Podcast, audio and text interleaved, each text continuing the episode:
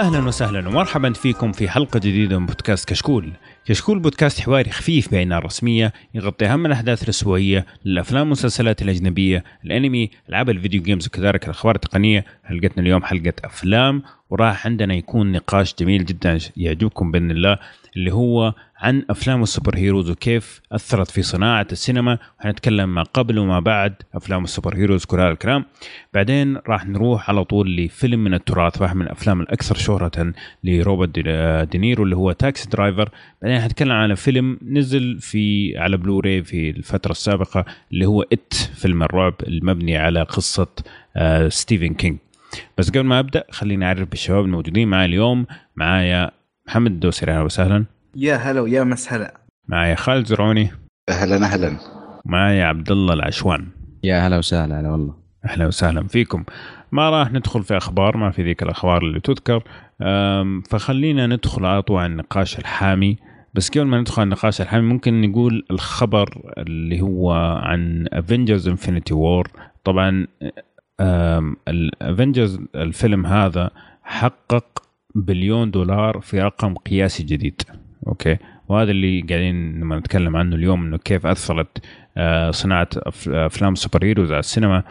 إنه فعلا الأرقام الخرافية هذه ما كنا نشوفها إلا من فترة لفترة. تايتانيك بعدين بعده ب 20 سنة مدري ب 15 سنة أفاتار بعدين بعده بكم سنة. لكن الآن قاعدين نشوف أفلام كثيرة قاعدين تتسابق على البليون والاثنين بليون والثلاثة بليون في أرقام قياسية جدا. فهذا الخبر طبعا أنا قلته لأنه أبغى أدخل على النقاش على طول أه بس قبل ما ندخل في النقاش أنا ودي كذا أستشف من الشباب إيش يعني ميولهم. هل مع ولا ضد أفلام السوبر هيروز؟ طبعا خالد زرعوني أخليك في الاخير لأنه نعرف جوابك. خلينا خلينا آه، ممكن أغير بيقول لك لو ما في super heroes ما في حياة. نعم. كذا يعطيك يعطيك وضع الحزين الحبيب. آه. ف... قلبتوا علي يعني. خلاص. كرهت ال super heroes. إيه، خلاص. إيه. خليني أبدأ مع عبد الله العشوان. آه، أحس إنه أنت كذا ميولك ما هو مرة super heroes ما أدري من اللي استشفيته من حديثي معك في الكم حلقة الماضية بس ما أدري ممكن يكون مختلف عن اللي أنا شايفه. فأنت إيش رأيك؟ هل أنت مع أفلام super heroes هل تتحمس مرة إنك تروح تشوفها أول ما تجي؟ ولا عادي يعني والله شوف ال ال ال انت لما تقول أفلام ال super hero أول شيء يجي على بال الشخص إنه آه، يعني غالبا هي أفلام تكون ما ما فيها ذاك التعب من ناحية الكتاب التمثيل تكون كلها مركزة على الأكشن. فصار غالبا حاليا الناس إذا راح للسينما يروح يتفرج super hero صح ولا لا؟ فيا أخي أنا أنا بالنسبة لي كشخص يعني ماني مرة big fan لل super hero ولكن أتفرج ما عندي مشكلة. يعني لو كان فيلم كويس حتفرج عليه سواء super hero أو غيره. ولكن بشكل عام. يا أخي أنا أفضل انه انه إنه الشركات بدل ما تنتج مثلا خلينا نكون صريحين أفلام تكون رخيصة. يعني اللي يجيبون فيها مثلا مثلا شخص زي ذا روك يعني آه، آه، الأفلام وتشوفها كلها ما فيها غالبا يكون فيها الأكشن مقبول. ما فيها قصة ما فيها تمثيل حتى ما فيها كوميديا كويسة. يعني غالبا حتى صار فيها كوميديا تكون المبتذلة وكوميديا التهريج. ولكن جت ال super hero وغيرت الموضوع هذا يا أخي. صار الناس بدل ما تروح تتفرج على أفلام آه، آه، يعني مثل ما قلت زي أفلام يعني خل standard حق ذا روك يعني ما أدري إيش زعل على الرجال. إيه. بس إنه صارت الناس تروح تتفرج على ال super hero وفعلا صارت يا أخي مثل إنتاج مارفل ترى بشيء quality غير طبيعي. يعني ايرون مان الجزء الأول بالنسبة لي يمكن من أجمل افلام ال super hero اللي شفتها إذا ما كان أفضل واحد. فبالعكس أنا ما عندي مشكلة بال super hero. نعم ماني big fan يعني مثلا زي خالد زرعوني أكيد. okay. بس ما عندي مشكلة فيها. ما عندي مشكلة فيها لأنه يا أخي إنه يا تواجد أنا بشوف إنه يا إنه انه أفلام ال super hero اللي تتواجد بالسينما أو أفلام رخيصة ثانية هو بالعكس هذه تأخذ مكانها. وأنا أشوف تواجد الافلام ال super hero يقلل من الافلام الرخيصة اللي قلناها هذه لأنها تنحط بالسينما يمكن ما تدخل ولا ربع المبلغ اللي تدخله أفلام ال super hero اللي شفناه بالمليارات. حاليا صار أصلا مستغرب إنك تشوف فيلم super hero ما يدخل مليار. صحيح. فنعم أنا يعني نسبيا مع أفلام ال super hero. جميل. محمد؟ أه، طبعا أنا يعني عندك اللي هو أفلام ال super heroes بالنسبة لي هي أه، أكثر لكسر الروتين يعني مو لأني آه، مرة أهتم فيها. يعني مثلا أنا بالعادة أكثر شيء أهتم فيه اللي هو أفلام الدراما ومن ثم أفلام الخيال العلمي والتشويق. فهذول الثلاثة هم اللي أركز عليهم ولكن كل واحد يحتاج له آه، كمية تركيز ولا بالعادة آه، يعني أيضا مثلا الشخصيات نفسهم بالعادة إنك إذا ترتبط فيهم ما ترتبط فيهم. فهذه التفاصيل يعني ألقاها في ال genres اللي أنا أحبها أكثر شيء. بعدين يجيني اللي هي أفلام الكسر الروتين اللي هي مثلا أفلام super heroes أفلام الرعب أفلام الكوميديا. ف يعني أنا بالنسبة لي هي مجرد يعني حاطها في مقياس اللي هو إنه لا حق كسر الروتين إلا إذا جاني مثلا فيلم آه، ممتاز زي مثلا ذا دارك نايت ولا مثل الحين زي انفنتي وور اللي لا الفيلم اللي أنا أصير أحبه ومثلا أحطه مثلا من الأفلام اللي أرجع أشوفها أكثر من مرة فإي لا بالعكس هذا وضعهم يكون مختلف لأنه okay. يكون محترم عقلك آه، يعني مشاهد, مشاهد. نعم. إي إنه يعطاك من كل شيء يعني حبه جميل خالد وصلنا لك آه. أخيرا؟ أخيرا. أنا بعطيكم plot twist يا أخي شايف أفلام السوبر يذلون عليه لا لا شوف. أنا يعني بالنسبة لي كيف أقول لك؟ أنا أصلا كنت اتابع يعني الميديا أي شيء عن السوبر هيرو مسلسلات أفلام رسوم. ف كنت أنا كنت أشوف أفلام يعني عادي يعني. بس لما شفت انه في فيلم لأيرون مان يعني خاصة مع أيرون مان بالذات وأنا يعني شايف أفلام باتمان والأشياء القديمة بليد و... بس لما شفت أيرون مان هنا مثلا قلت تحقق حلمي. خاصة لما بدأوا يسوون ال universe مالهم هنا تحمست أكثر وأكثر قمت أتابعهم أول بأول عرفت؟ فتقدر تقول مش big fan يعني أكيد big fan يعني بس يعني أنا بالنسبة لي عامل مرح بالعكس اتحمس أشوف أفلام يعني أنا تقريبا اسبوعيا أشوف فيلم على الأقل في السينما فاذا كان فيلم super hero أتحمس بزيادة. إذا كانت أفلام ثانية أكيد أشوفها وأستمتع يعني. جميل.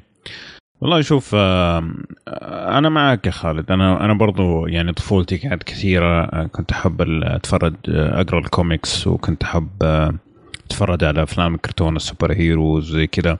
باتمان الأول اللي نزل في عام 87 شفته في السينما وكان بالنسبة لي تجربة غير طبيعية. طبعا الان لما أشوفه يديني غثيان ما أقدر أتفرج عليه. بس على وقته آه، خاصة كيف جاك نيكلسون طلع كجوكر. فالفيلم هذاك رفع مقياس مفهوم أفلام ال super heroes بالنسبة لي. والمشكلة الكبيرة إنه من هذاك الوقت آه، إلى آه، سبايدر مان حق ريمي فعليا كانت أفلام ال super heroes كوارث واحد تلو الآخر. فخلاص يعني خلال الفترة هذيك نزل زي ما تقول سقف التوقعات لأفلام ال super heroes اللي صارت بالنسبة لي أعتبرها B movies B movies يعني مستواها واطي نسبيا. بعدين جات أفلام سبايدر مان حق ريمي. والأول والثاني رجع غير المفهوم رجع رفع السقف مرة ثانية. أوكي؟ آه لكن في نفس الوقت جاء سبايدر مان 3 وخرب كل اللي بناه 1 و 2 بانه رجع خسف لك خسف ما إيه. ما دمر خسف. بالضبط. بانه رجع لك نزل التوقعات مرة ثانية. لمستوى جدا منخفض. وغير أفلام نولان اللي هو نقول الأول والثاني نقول The Dark Knight أكثر. بس برضو جاء بطريقة سوداوية جدا آه، لدرجة إنه أنت ما تحس إنه هو فيلم فيلم super heroes يعني ما في الأشياء اللي اللي كانت بالنسبة لي وأنا أتابع الكوميكس الأشياء اللي تجذبني في الشخصيات super heroes ما كانت موجودة في أفلام نولان وكانت موجهة لجمهور مختلف تماما. فلما نجي نتكلم عن أفلام مارفل طبعا Iron Man الأول كان بالنسبة لمارفل مقامرة كانت يعني رهان كبير جدا. طبعا كانوا لسه ما اشتراوها ديزني وكانوا طبعا هم طفرانين لهم فترة طويلة حتى لدرجة إنه كانوا يبغوا يبيعوا كل شخصيات آه، مارفل لسوني. ب 10 مليون دولار بس تخيل. بس. إيه، قد كذا كانوا طفرانين إيه. تكلمنا عن الخبر هذا. طيب. فسوني طبعا وقتها قالت لا ما أبغى السبايدر مان وعالمه الباقيين ما, ما لهم مستقبل يعني. Iron آه، Man الأول وزي ما قال عبد الله فعليا مو كز مو بس كفيلم super heroes كفيلم بشكل عام طريقة اللي سووها فيه طريقة أول شيء فيها روح ال super heroes وفي نفس الوقت فيها احترام للمشاهد. أوكي؟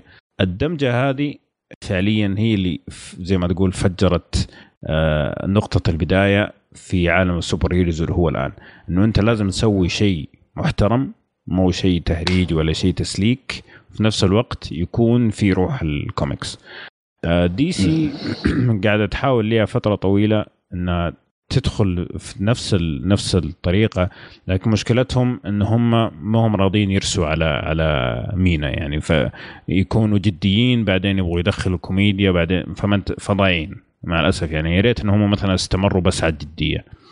لكن هذا الكلام نقاش آخر. لكن اللي أبغى أقوله إنه أنا مع أفلام ال super heroes آه لسبب إنه أنا كنت أعشقها وأنا صغير وشايف الكوميكس قاعدة تطلع للحياة في أفلام في نفس الوقت محترمتني كمشاهد. يعني ما مستغبيتني وقاعدة تشطح شطحات كذا لا كل شيء قاعدين يحاولوا يفسروه بطريقة عالمهم وهذا شيء يخليك يعني تنبسط إنه هم قاعدين يبذلوا هذا الجهد عشان يطلعوا لك فيلم تقدر تقول عنه فيلم. مو بس فيلم كوميكس ما هو فيلم كوميكس لا هذا فيلم فقط نقطة.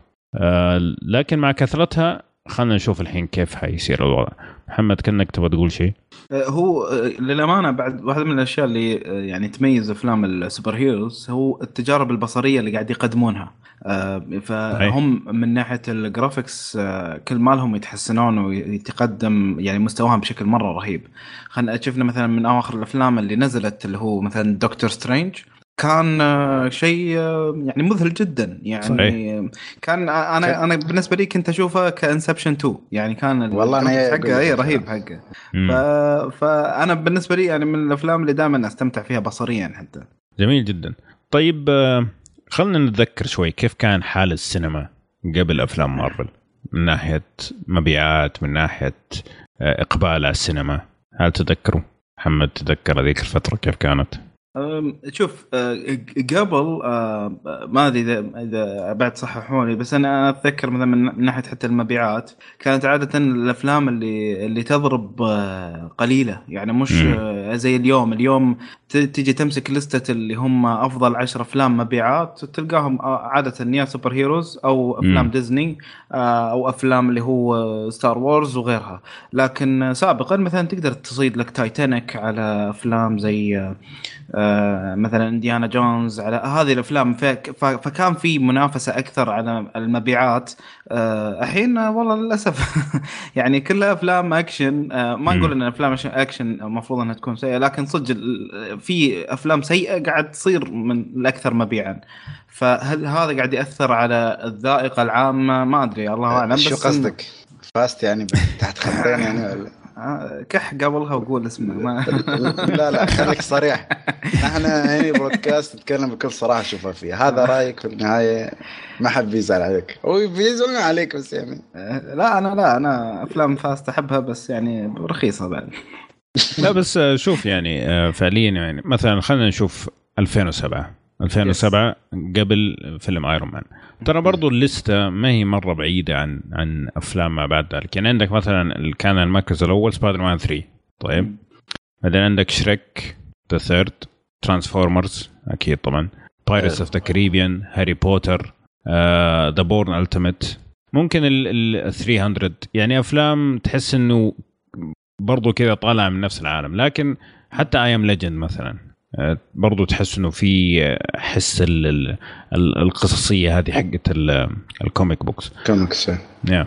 ف يعني برضو تحس إنه وطبعا يعني زي ما تقول المبيعات السينما كانت في انحدار شديد. يعني جات فترة آه، الحين إلى اليوم okay لو تشيل أفلام ال superheroes وما تحسبها في الحسبة تقدر تقول إنه ما زلنا في عقد أسوأ مبيعات تذاكر في السينما وأعتقد واحد من أهم الأسباب اللي سوى هذا الشيء البيت.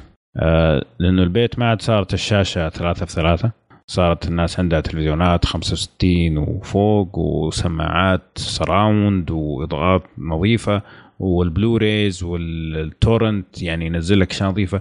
فصار الناس يروح السينما لسببين. يا انه يبغى يغير جو ويبغى يديت date مثلا عندهم هناك. أو آه، يبغى يشوف تجربة ما يقدر يجربها في البيت. زي الأفلام هذه زي Mad Max وكذا. ما أدري هل تتفقوا معايا إنه هذا واحد من اسباب آه، هبوط مبيعات السينما؟ صحيح. صحيح صحيح. بس أنا عندي نقطة. يا أخي قبل أفلام ال superheroes كان في وايد أفلام آه كيف أقول لك رخيصة بشكل وبعد السينما كانت عليها زحمة. فافلام ال superheroes خذت هالمكان. حاول تجذب هالناس اللي تشوف الأفلام مثل أفلام. يعني أنا هي فترة كنت أدور في الأشرطة القديمة اللي عندنا. شفت فيلم Under the Siege ما في اللي يعرفه.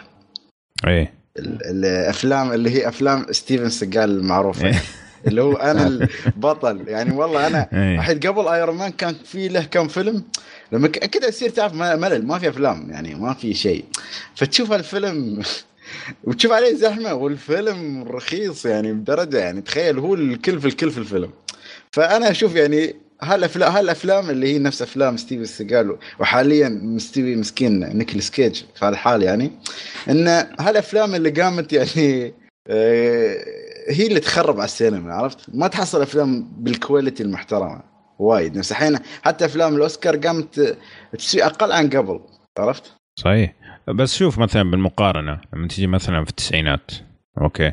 يعني أفضل آه، أفلام مبيعا في التسعينات كانت فعليا أفلام قصصية. يعني عندك مثلا The Big Kahuna تذكروه حق كيفن سبيسي. عندك Death of Salesman عندك Jerry Maguire حق توم كروز ف فعندك ال ال ال الأفلام كانت زمان مبيع مبيعاتها تعتمد بشكل كبير على شيئين. مين على ال poster؟ مين الممثل على ال poster؟ okay؟ وهل الفيلم قابل إنه يشاف أكثر مرة ولا لا؟ يعني مثلا Jerry Maguire مثلا من الأفلام اللي أي أيامها كانوا الناس يشوفوه مرتين ثلاثة في السينما. ما يحسوا إنه شبه منه لأنه كان ممتع في السرد وفي نفس الوقت كان الشخص اللي على البوستر توم كروز. في كواليتي الفيلم برضه يعني ما أيوه. هو... أيوه لا الفيلم ممتاز. يعني ما هو رخيص. روبرت داوني جونيور والكروز إيه. كان أداء عظيم منه بالضبط. لما كان يمثل وقتها. ف ال poster boys يسموهم اللي هم الممثلين على ال poster كانوا يعني زي ما تقول شيء يشد الناس بشكل كبير. ال poster boys الآن قلوا كثير يعني الناس يروحوا يشوفوا فيلم بس عشان هذا الممثل لكن ما زال في هذا الشيء. يعني مثلا ليوناردو دي كابريو يعتبر من ال poster boys اللي أو والله ليوناردو دي كابريو نزل فيلم جديد أوف لازم أشوفه. صح ولا لا؟ بس مو كثير مرة قليل. فهذه واحد من الأسباب اللي اللي ممكن آه إنه زي ما تقول استنفذوا طاقة الممثلين المشاهير لدرجة إنه ممثلين مشاهير يعني مثلا زي عندك نيكولاس كيج، نيكولاس كيج جاته فتره كانت ذهبية مرة وكان poster boy لكن سوى خمسة ستة أفلام بعدها معفنة مرة. فهذا الشيء ضرب مفهوم إنه والله ممثل ممتاز أكيد حيكون فيلم ممتاز. فهمتني؟ فالناس بدأوا زي زي ما نقول أنحرقوا أكثر من مرة بعدين قالوا لا هذا الكلام ما, ما عاد ينفع. طيب إيش ممكن في أسباب ثانية خلت السينما تقيل مبيعاتها خلال هذيك الفترات محمد عبد الله ما سمعناكم من زمان ما أعتقد إنه شيء معين لكن ممكن لأنه في فترة من الفترات بالسينما قبل السوبر هيرو أنت مثل ما قلت يا أبو عمر يمكن كان على بداية دخلت التلفزيون والناس بدأت تتعرف ممكن على النسخ الفيزيائية من الأفلام اللي سواء تكون أشرطة وبلوراي وكذا. فأعتقد إنه ممكن هذا أحد الأسباب. وترى أحس إنه السينما في في في بداية الألفينات ممكن كان يعني من من أضعف حالاتها اللي وصلت لها. يعني في التسعينات كانت فترة ممتازة الثمانينات الثمانينات على أفلام الأكشن غير قابل للمشاهده حاليا. نعم. لا أخذ ترمينيتر كويس. حل اي ترمينيتر ما زال كويس. لا هو قصده الأفلام بروس ويلس هذه أيوه. إيه؟ يعني إيه فممكن في في في بداية الألفينات ممكن زي ما قلت يا أبو عمر دخلت التلفزيونات هي اللي غيرت يعني خاصة حتى على مجتمعنا إحنا. صح ما كان م. عندنا سينما بس كان جدا مؤثر ويمكن هذا اللي عرفنا بس ب ب بالأفلام وبالسينما بهوليوود بشكل عام. جميل. طيب آه، محمد آه، تبغى تضيف شيء على موت السينما التدريجي اللي صار قبل سوبر هيروز؟ آه لا والله ما ما عندي إضافة أنت يعني قلتوا كل شيء ف آه يعني الحين حاليا آه، غير طبعا آه، سالفة زي ما قلت التفاصيل كلها اللي ذكرتها اللي هو سالفة انه صار سهل على الشخص إنه يتابع كل شيء من خلال البيت وكان صار صارت التقنيات يعني أفضل في البيت عن سابقا يعني ف أيضا ما ننسى دور ال- المسلسلات وشلون جودة إنتاج المسلسلات صحيح. يعني ارتفعت حتى مؤخرا عندك اللي هو آه، يعني حتى مسلسلات ال superheroes آه، خلينا نتكلم مثلا عن واحد ما نتكلم عن البقية اللي هو مثلا Legion. Legion آه، يعني خاصة في الموسم الثاني قاعد يقدم شيء مجنون شيء يعني أسطوري. يعني هذا لو كان على هيئة فيلم مثلا آه، آه، أيضا قادر إنه يكسر يعني في شب- شباك التذاكر. فأنا أتكلم إن أيضا نقلة الناس وصار صاروا يهتمون أكثر للمسلسلات وهذا أيضا له تأثيره. ف يعني بين وبين يعني صار صار الناس يعني عندهم خيارات مو بس زي قبل اللي آه، يعني وين- راح تلقى الضربات لا لا راح تلقاها بالافلام لا. آه، الحين ممكن تلقاها في Game of Thrones في Breaking Bad في فارجو. في مدري إيه، واجد أشياء يعني. يعني صحيح، حتى معك. الممثلين مم. يعني قبل مثل ما كنت تقول يعني أبو عمر انه في ممثلين كبار وايد كلهم في الأفلام تحصلهم فالحين حتى الممثلين الزينين خلاص ما قاموا يسوون افلام كله يسوون على المسلسلات أكثر لأن فيها دخل أكثر وربح أكثر بس عطاري الدوسر يا أخي أشوفك جاي بطاري مسلسلات شو تسوي دعاية لنفسك ولا يسمعونك في حلقات المسلسلات ولا كيف؟ لا. اي بعد شلون؟ آه، بس أتفق مع محمد هذه نقطة مرة مرة مهمة. ال- يعني أول كان يعتبر التلفزيون الدرجة الثانية من النجومية. يعني أنت نجم تلفزيون تتخرج للأفلام أوكي؟ صحيح. وحتى لما تطلع في الأفلام احتمال إنك آه، ما تنجح يعني نسبتها مرة كبيرة. لكن فعليا من آه، خلينا نقول من آه، خلينا نقول من Lost أوكي. Lost طبعا ليش مهم؟ يعني مع اختلافنا هل هو جيد ولا سيء لكن Lost هو كان أول مسلسل على شبكة مفتوحة ما هي شبكة خاصة مو زي HBO يعني. الميزانية تستهبل. ميزانية الحلقة الواحدة فوق مليون دولار. okay.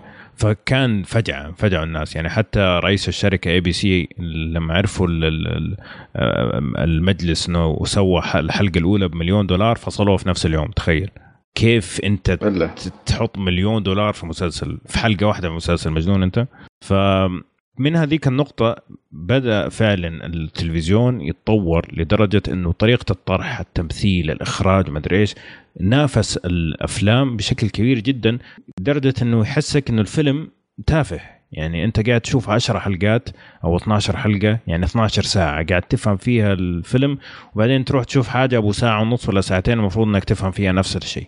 فتحس بتفاهة الفيلم إنه ناقص أو يعني ما هو كامل أو ما يجي بنفس الجوده فشفنا كل الممثلين الكبار أنثوني هوبكنز ومدري إيش توجهوا للتلفزيون لأنه صار ميديوم أكبر وأقوى من التلفزيون فأتفق معك هذه نقطة مره مرة ممتازة طيب جميل جدا فهذه كانت زي ما تقول الأسباب اللي. اللي وصلت السينما لمرحلة آه، شبه الموت إلى ما دخلت أفلام ال superheroes وبدأت تطلع الأشياء المخيفة هذه في البداية طبعا كانت 200 مليون و300 مليون بعدين وصلت إلى بليون وأكثر من بليون طبعا جيمس كاميرون هو الوحيد اللي كان في, في هذا النوع من المدخولات لكن. جات مارفل وفجرت. طيب خلينا شوية من أفلام مارفل. كيف حال أفلام سينما غير حقت مارفل بعد مارفل؟ هل حسيتوا مثلا إنها تطورت إنها قاعدة تحاول تنافس ولا إنهم ماشيين على نفس المنوال والاستديوهات قاعدة تعتمد على أفلام ال- الأكشن والكوميكس؟ يعني السينما بشكل عام؟ امم عكس أنا أتوقع بعد مرحلة مارفل هذه أتوقع إنه ممكن السينما يصبح حالة أضعف جدا جدا ممكن حتى ممكن تكون أضعف بالتاريخ. ليش؟ لأنه حاليا يا أخي تشوف جودة الإنتاج المسلسلات خاصه بوقتنا الحالي يعني خاصه نتفلكس. نتفلكس يعني تسوي لك حساب وعندك مكتبة ضخمة جدا جدا وحتى فيها يعني تغنيك ممكن عن السينما. حتى تلقى أنا تفرجت أتذكر على في مقابلة مع المخرجين المترشحين للأوسكار سنة 16 مم. كان فيها يعني مخرجين كبار مايكل سكوت و... وكوانتن تارنتينو وغيره. وقالوا انه مشكلتنا حاليا مع السينما التلفزيون، التلفزيون هو اللي اللي جالس يسحب الناس منه، يعني أنا أنا كمشاهد عادي، أنا ليش أترك نتفليكس وأجي أتفرج على فيلم؟ كنت إذا ما كان superhero وما كان ملغم اكشن مم. يعني كل ما. كان يحتاج الشاشات والصوت ال- صحيح. حق ف... السينما. فأعتقد إنه بعد مرحلة مارفل السينما نقاش كبير. يعني مم. يعني جودة المسلسلات حاليا ترى تستهبل. يعني. تشوف جودة مثلا مسلسلات نتفليكس أ- أفضل من جودة أفلامها. يعني وهو افلام أحيانا تنعرض فترة بسيطة ب... ب... بالسينما إي لا أفلام أبو كلب. جدا جدا. وخاصة آدم ساندلر بعد. آدم ساندلر. آه لا هذا مشكلة. يا أخي لحاله هذا. لكن آه، مثل ما قلت إنه أعتقد السينما حيكون فيها مشكلة كبيرة بعد خروج مارفل. خاصة إنه وضع وورنر براذرز حاليا مع مع مع العالم السينمائي الدي سي سيء جدا. يعني آخر فيلم Justice League أنا ما أدري الفيلم نز... الفيلم قبل ما ينزل الناس كانت تتكلم عنه أكثر من بعد ما نزل وأكثر من فترة نزوله. يعني أنا شيكت قبل شوي على ال- الفيلم ال budget اعتقد حوالي 200 مليون دولار أو أكثر حتى. ومحقق بس 600 مليون يعني هذا فشل ذريع جدا. يعني فيلم فيه في شخصيات زي فلاش زي وندر وومن زي باتمان زي سوبرمان يا أخي مين كان أحد يتخيل إنه في فيلم يجمع باتمان وسوبرمان وبالأخير يطلع الفشل هذا؟ صحيح. وحقيقة أنا أشوف يستاهلونه يعني يستاهلونه. يعني ال- ال- ال- هذا هذا نتائج شغلهم و... والشيخ كله زاك سنايدر. زاك سنايدر. أيوه. إيه بس حتى في الحين قامت شركات comic ثانية تسوي خاصة superhero comic لأن في كوميكس عالم كبير يعني في وايد أنواع. يعني مثل ديد هذا بروحه يعتبر كوميكس. بس أنا أتكلم يعني superhero شركات superheroes comic ثانية يعني قامت حتى هي تفكر تحط شخصياتها في ال- ال- ال- العالم السينمائي عرفت حقها.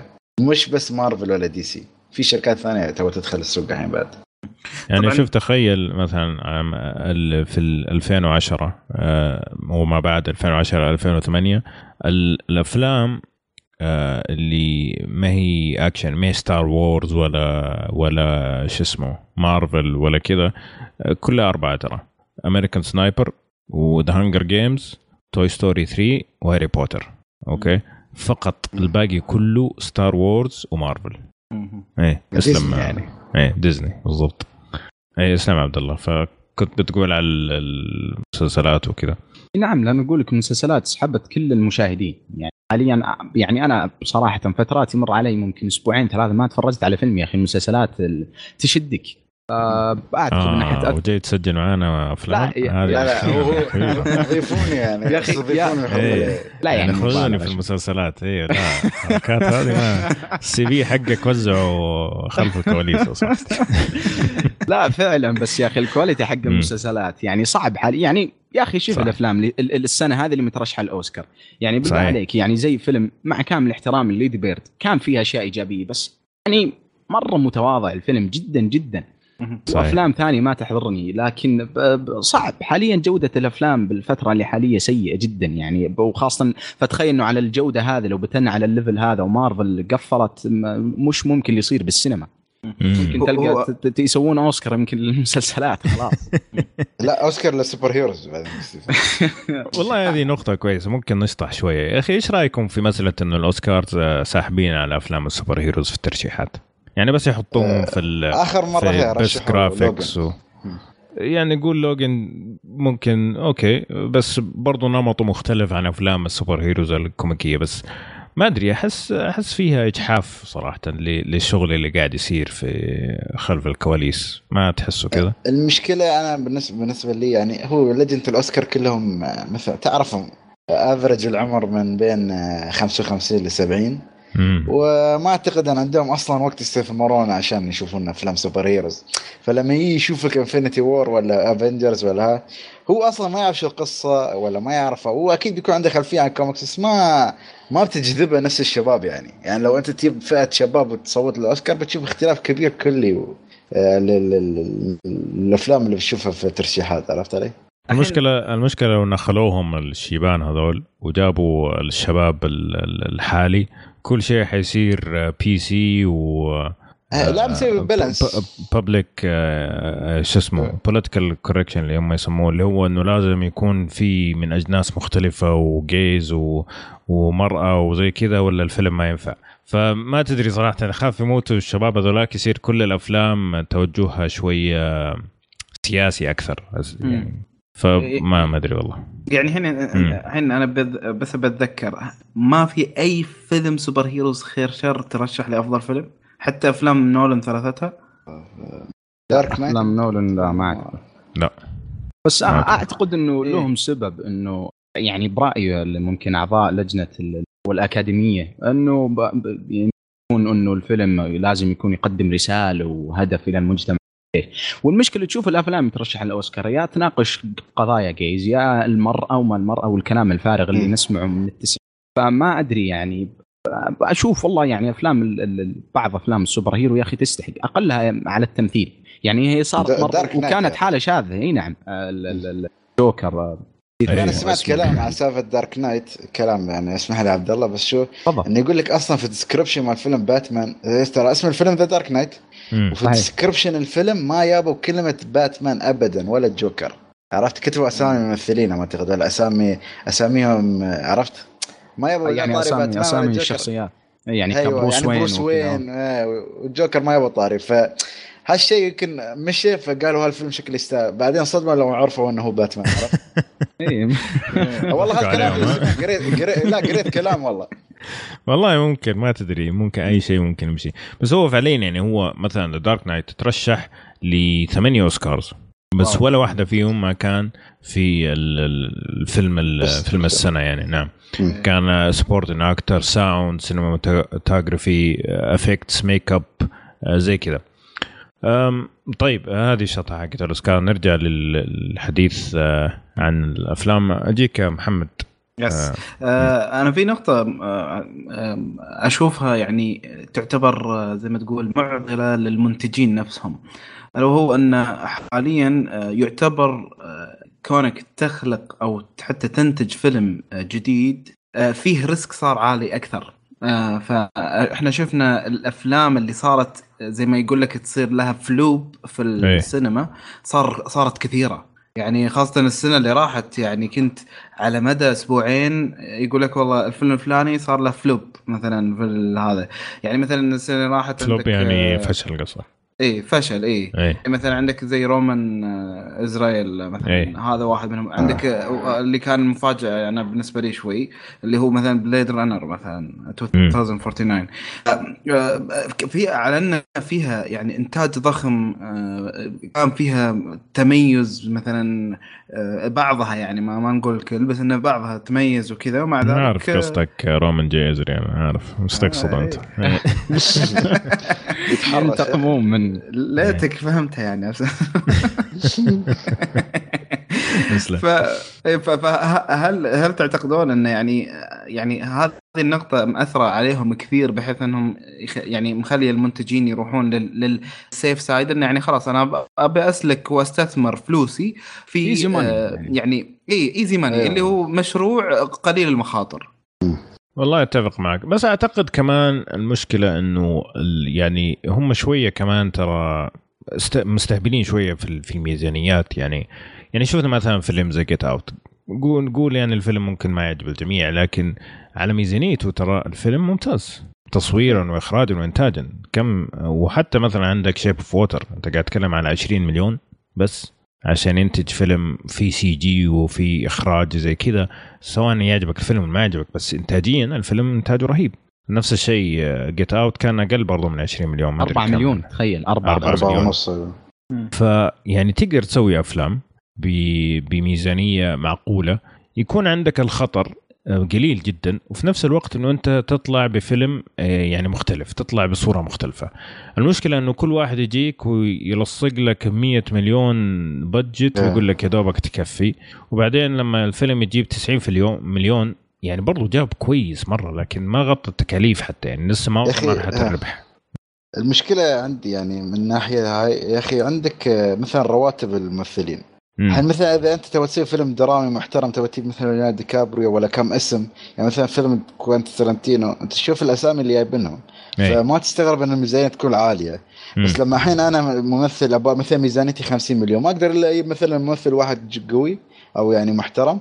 وأجي كلهم أجيب باي شيء بس أفلام ال super hero بتجيب الكلمة الممثلين على البرد يعني أنت شوف فيلم Avengers Infinity War شوف كمية الممثلين اللي مثل ما. قلنا الحلقة اللي طافت إنه تقدر تسوي فيلم درامي ولا فيلم محترم بروحه عرفت؟ مم. صحيح فأنت هنا توهق الناس اللي ما عندهم ميزانيات كبيرة نفس بارامونت والشركات اللي تسوي أفلام الرعب أي شيء غير شو- ديزني هاي أشياء غير ديزني شو تسوي سياستها الحين؟ أستثمر مبلغ صغير فإذا ضرب معاي بالعكس أنا ربحت ملايين الملايين. وإذا يعني تقريبا بارامونت كل أفلامها ما أعتقد ما تتجاوز ال 10 أو ال أو ال 20 مليون. بس فهيني تضمن إنه ما تخسر يعني نسبة الخسارة تكون جدا قليلة ونسبة الربح تكون جدا عالية إذا ربحوا. نفس أيوة. Get Out نيجي هنا المشكلة الثانية عندي إنه أنت لما الفيلم ينجح سواء كان ميزانيته كبيرة ولا صغيرة تبدأ آه، يبدأ قطار الحلب. يعني فعليا يعني أنا صراحة يعني شوف مثلا عندك زي Transformers مع كل احترام الناس اللي يحبوا Transformers هو مكسر الدنيا فلوس لكن فعليا الأفلام فارغة. أنت قاعد تشوف أفلام copy paste ما فيها ولا شيء جديد وما فيها شيء أصلا. مو ما فيها شيء جديد ما فيها شيء. أنت فعليا بس رايح تشوف اثنين روبوت يتضاربوا ويمشوا. آه، الشيء اللي اللي مخلي أفلام مارفل شوية طالع من هذا ال mood وتخلي الناس تتحمس تروح إنه هم فعليا قاعدين يتعبوا في الكتابة. قاعدين يتعبوا في الكتابة قاعدين يتعبوا في ربط العوالم إنه ما يكون في ثغرات. يعني مثلا عندك في أول فيلم في Iron Man okay؟ آه في واحد من المشاهد يجي صاروخ كذا ويضربه في يده اليسار. شوف كل أفلام اللي فيها Iron Man من وقتها. حتشوف دائما يعاني في يده اليسار. تلاقيه يمسكها كذا ويتألم بشكل بسيط يعني حتى لو ما تركز ما تنتبه. فتركيز الشخصيات التفاصيل هذه ال- القصة إنها تكون ماشية بشكل مرتب العوالم اللي داخلة في بعض فيها جهد صراحة يستحق إن هم يكسبوا كل هذه المكاسب. يعني مو إنه بس بيحلبوا عشان حلب لا فعلا عندهم خطة الين 20 سنة قدام وحاطين يعني يعرفون كيف يحلبون. ح- حلب صح. يعني زي ما حلب صح صح. ايجابي مو ايجابي. فأعتقد هذه واحد من الأسباب اللي خلى أفلام مارفل بشكل خاص يعني مو مو كل أفلام super heroes إنها توصل هذه المرحله إن الناس يتحمسوا إنهم يروحوا يشوفوها مو بس عشان الأكشن لا لأنه أنت خلاص صرت مرتبط بالشخصيات صرت مرتبط بالقصة تبى تعرف فين رايحين. يعني تخيل عشر سنين راحت بس عشان يسووا الفيلم اللي شفناه السنة هذه اللي هو Infinity War فهذا ربط الناس كثير بالسينما. طيب فما ادري تبغى تضيفوا شيء على نقطة الحلب؟ أنا لا الحلب ما عندي بس أنا عندي نقطة على أفلام ال super hero آه، هيلو. آه، super hero حاليا. هيلو آه. زي أفلام السوبر hero حاليا. انه شو المخرجين اللي أحيانا ما قاموا يقدرون يسوون أفلام مثل درامية ولا شيء قاموا يتوجهون لأفلام ال super hero بطريقة ثانية. يعني كيف مثلا أنا بسوي فيلم دراما بس ما عندي. أجيب مثلا أجيب فيلم super hero بس أخليه درامي. مم. ولا أي super hero اخليه كوميدي عرفت؟ أيوه. فهالشيء بالعكس فتح لك genre في ال genre نفسها يعني مثل يعني أنا أعتقد ما كنت ما كنت أتوقع إني أشوف فيلم نفس Logan ولا Deadpool ولا أي أفلام ال- اللي بتيجي مستقبلا نفس Mutant بيكون فيلم super hero بس رعب أيوه فما أعتقد إني كنت أشوف هال genre أو هالنوع هالأنواع لولا فيلم Iron Man اللي بدأ إنه اعطاك quality في ال super heroes مش إنه. هم بس للمتعة وخلاص عرفت؟ جميل. طيب ممكن ننتقل للسلبيات إيش رأيكم؟ طبعا خالد ما عنده ولا سلبية أكيد. أكيد أكيد. كل شيء. لا في أكيد في سلبيات بس أنتم كملوا عشان أتذكر عشان أستنتجهم. آه okay. آه طبعا صارت آه الأفلام اللي هي زي ما تقول تعتمد على القصة وزي كذا محجورة في وقت واحد في السنة اللي هو وقت الكريسماس. يعني نهاية السنة نوفمبر ديسمبر. ويناير هذه هذه الشهور اللي تصير فيها أفلام درامية بقصة عميقة. أغلب باقي السنة صارت ابدا مو وقته إنه ينزلوا هذه الأشياء لأنها ما يبغوها تتضارب مع أفلام ال super heroes ولا أفلام الأكشن الكبيرة هذه. فأنت لما تيجي يكون نفسك تبغى تشوف فيلم قصة غالبا ما راح تقدر تشوف إلا آخر ثلاثة شهور في السنة.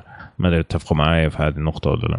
صحيح لأنه حاليا حتى للأسف الاوسكار صارت. الأفلام اللي ما تنزل في موسم الجوائز اللي تقريبا بعد سبتمبر نوفمبر إلى يناير ما يعترفون فيها. وإلا تتهمش نعم. إي نعم.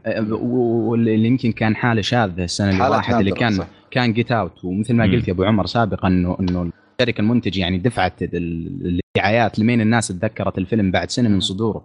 صحيح. واعتقد نزل في أبريل ومارش وكان الأوسكار في نهايه نهاية ال- ال- فبراير فصحيح يعني أصبح الآن الأفلام ال- ال- اللي ما هي في موسم الجوائز منسية تماما. يعني مثلا شفنا السنة اللي راحت مثلا بغض النظر عن الفيلم لكن كان Split نزل نزل في بداية السنة أو حتى في نهاية 2017 16 ولكن كان يعتبر تبع 17 وتم مم. تهميش الفيلم. هو فيلم سيء بالنسبة لي ولكن كان كان الممثل اللي فيها اقلها يستاهل ترشيح الأوسكار. أيوه. صراحة. جيمس ماكافوي كان عظيم جدا. لكن آه، يعني أتفق معك أبو عمر. امم لو غير كذا مع الأسف صاروا الناس ما يعرفوا الأفلام الدرامية الممتازة أو القصصية الممتازة إلا اللي تترشح للاوسكار صحيح. يعني إذا ما ترشحت الناس أصلا ما يعرفون انه الفيلم هذا نزل. فهذه يعني ممكن تقول بالنسبة لي السلبية الكبيرة إنه التركيز صار 99% على أفلام ال super heroes وإيش اللي حيجي آه، السنة هذه وكم فيلم باقي لين ال Avengers اللي بعده. لدرجة إنه الناس ما صارت تنتبه للأفلام الجميلة الثانية. يعني خليني أعطيك مثال. لما سوينا لما سوينا حلقة كشكول آه، مراجعة 2017 قلنا إنه ما في صراحة ولا فيلم كان يستاهل إنه نتفرج عليه. أوكي؟ لكن آه، طبعا والسبب الكبير إنه ما عندنا سينما يعني. ففي الافلام اللي نازلة عن نهايه السنة أصلا ما بدانا نشوفها. لكن لما جينا نرتب لحلقة الأوسكار وبديت أشوف الأفلام اللي نزلت في نهاية 2017 انبهرت صراحة. في مجموعة كبيرة منها ممتاز جدا. جدا جدا جدا يا أبو عمر. فحتى إحنا الناس اللي إحنا متابعين بشكل أول بأول برضو فاتت علينا هذه الأفلام. طبعا السبب الأول إنه ما عندنا سينما لكن برضو يعني قيس على العالم اللي ما تتابع بشكل مكثف. لا حتى هي ابو عمر يعني ما اقطع وردك إنه شو حتى هالأفلام أصلا تكون تنزل نهاية السنة ليمتد ريليسز لو تنجح م. في الأوسكار يصيرون يعرضونها مرة ثانية. يعني أيوة. مش شرط عادي تنزل في أمريكا بس ما تنزل عندنا يعني. حتى في الإمارات يعني في وايد أفلام أوسكارية ما نزلت عندنا إلا قبل فترة قصيرة. فعشان الخوف من الفشل حتى الميزانية حقت الدعايات بالنسبة للأفلام هذه تكون مرة ضعيفة. يعني ممكن يسووا دعاية في أسبوع واحد بعدين يقول لك خلاص إذا الناس عجبهم يقولوا البعض إذا ما عجبهم عاد إيش نسوي. فأعتقد هذه واحدة من السلبيات الكبيرة بالنسبة للسوبر هيروز إنه أخذت كل التركيز حق السينما آه، لا هي والحالة آه، ما أدري إيش في أشياء سلبيات ثانية ممكن؟ ممكن من السلبيات صار اللي هو أيضا إن على أي أساس الناس قاعد تاخذ قرار دخولها للفيلم ولا ما تدخله. آه، فعادة بأفلام السوبر هيروز آه، آه، يعني وجدت أيضا هذا القرار ان الناس تاخذه انه خلاص دام فيلم super hero فمعناتها ندخل نشوف نستمتع بس كذا بعقل مفرغ وما يهمنا. آه شفتها مؤخرا في Infinity War إنه يعني إيه آخر شيء آه، فيلم super hero ما يفرق وياي يعني لو أعرف الشخصيات ولا لا. بس إيه. لما تقول إنه ما راح تستمتع إلا وأنت عارف الشخصيات بيقول لك إنه ما أدري بنجرب نشوف بس مثلا لما تيجي على أفلام درامية آه ما ما راح يدخل الفيلم بالغالب إلا إذا زي ما قلت أنت مثلا اللي هو أنه يكون في فيلم على ال poster أو قصدي ممثل على ال poster يكون مثلا مشهور أو أنه يروح يشوف تقييماته في IMDb و Rotten Tomatoes ويجونك مثلا النقاد الجميلين ويخسفون فيه أسباب سياسية ولا لأي أسباب معينة و... وياخذ قرار سيء فيه صحيح. فأعتقد أيضا هذه نقطة يعني شوف طيب. أنا عندي نقطة هي تعتبر سلبية وإيجابية في نفس الوقت مم. آه، فيلم Iron Man 1 أنا بقول لك ليش. فيلم Iron Man 1 قبل أفلام هاي ال Iron Man هاي يعني كان في ممثلين بس ما كانوا اسامي كبيرة. بس فيلم Iron Man 1 دخل معاهم منو؟ آه، روبرت داوني جونيور وجيف بريدجز. أيوه. وجيف بريدجز يعني اسم كبير يعني ما بيدخل أي فيلم عرفت؟ صحيح. خاصة يعني The Dude يعني هذا يعني. فأنت لما لما تجيب هالاسم أنت الحين أعطيت فكرة للناس الممثلين الثانيين الكبار إن أقدر عادي مش عيب إني أدخل فيلم super hero عرفت؟ فهنا خلاص استوى الجذب عامل الجذب لأفلام ال super hero فخلاص أفلام الدراما العادية يعني يعني على حسب إذا كان الممثل فاضي أو لا. يعني مثل ما شفت أنت الحين شو مشاكل كابتن أمريكا و Iron Man انه ما عندهم schedule يمثلون أفلامهم الثانية تقريبا. أيوة. يعني إذا بيمثل فيلم واحد عرفت علي؟ صحيح. صحيح. ف... فيعني الأفلام super heroes أخذت الموارد البشرية حقت الممثلين ال... ال... زي ما تقول الخرافيين وكرستهم 10 20 سنة قدام. ف... فمواجهين الثانيين صعوبة في إنهم يلاقوا هذول الممثلين فاضيين. والله هنا نقطة جميلة خالد صراحة أتفق معك. عشان آه، خاصة الممثلين نفسهم. بس أنت قلت إيجابية سلبية لازم تسويها. يعني هي إيجابية إنه في كبار وسلبية انه تخ... يعني كيف انه تبعدهم عن أعمالهم الدرامية عرفت؟ آه بس ممكن السلبية الكبرى في النقطة هذه إنه شفنا الممثلين نفسهم ما عاد ليهم نفس يمثلوا. يعني أثر هذا على جودة أفلام ال super heroes بإنه يعني مثلا شوف ممثل سبايدر مان عشان ندوه جاي متحمس اداؤه رهيب. بس يجيك روبرت داوني جونيور وكابتن أمريكا تعرف اللي خلاص ما ما في حيل تعرف اللي يبغى يتقاعد بس آه، كذا أحسهم يعني. فممكن هذه السلبية الكبرى طيب آه كيف المستقبل زين أنا؟ آه آه، مستقبل آه، طبعا مستقبل مشرق. ومقطوع النظير ولا يمسس أي شيء لا لا يعني يعني هل تتوقع إنه هذه فقاعة وراح تنتهي قريب ولا إنه راح يستمر الحال كذا كمان عشر سنين؟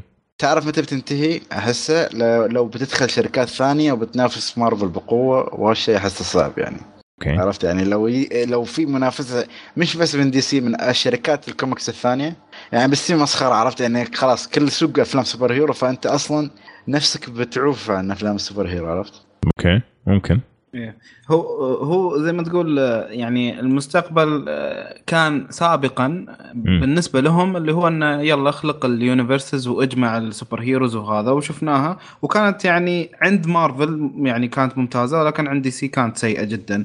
آه، فالحين أعتقد الحقبة الجاية اللي هي حقبة ال anti heroes أعتقد ممكن بشكل كبير انه يقدرون يبدعون فيها لأن ال anti heroes بالعادة يكونون آه، تكون شخصياتهم أعمق يكونون آه، تكون شخصيات Deadpool يعني gray مو مثلا يعني. Venom زي Venom مم. يعني كيف إنه بعد بت... يعتبر. إيه أي ممكن Deadpool بس أنا أنا أقصد إن الشخصيات اللي تكون متضادة اللي أيوة. رمادية فيها جانب. شا... اي أو رمادي اي بالضبط ف... فهذه أعتقد إن لهم قد يكون انه يكون لهم مستقبل ال super heroes يعني هل تتوقع إنه ممكن الفقاعة تنفقع لما الممثلين اللي الناس تعودوا عليهم إنهم يشوفوهم في أفلام ال super heroes يقولوا خلاص بطلنا يعني الحين إحنا عارفين إنه مثلا كابتن أمريكا حينتهي عقده بالفيلم الجاي روبرت داوني جونيور باقي له فيلمين وزي كذا. حيبدا واحد ورا الثاني آه، يطلعوا من العالم.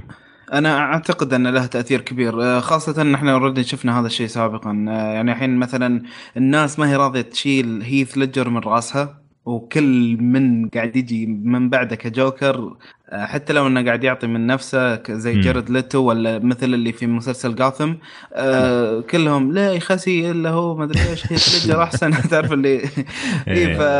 فهذه أعتقد إيه يعني already قاعد نشوف أثرها كيف على ال... إنه يعني حتى تأثر على العمل مم. كامل مو بس على الممثل نفسه آه، بس أنا عندي نقطة على هالأساس آه، أشوف مارفل يعني لاعبينها صح من ناحية إن شو هم ما يبون مثلا يغيرون الشخصية مثلا ايرون مان لا بعد أبغي ايرون مان لا يبون ينهون arc ايرون مان خلاص. أيوه. يسووا له successor ولا مثل ما أقول لك آه، شو بالعربي successor يعني إنه يكون يعني واحد تابع. له أو خليفه له.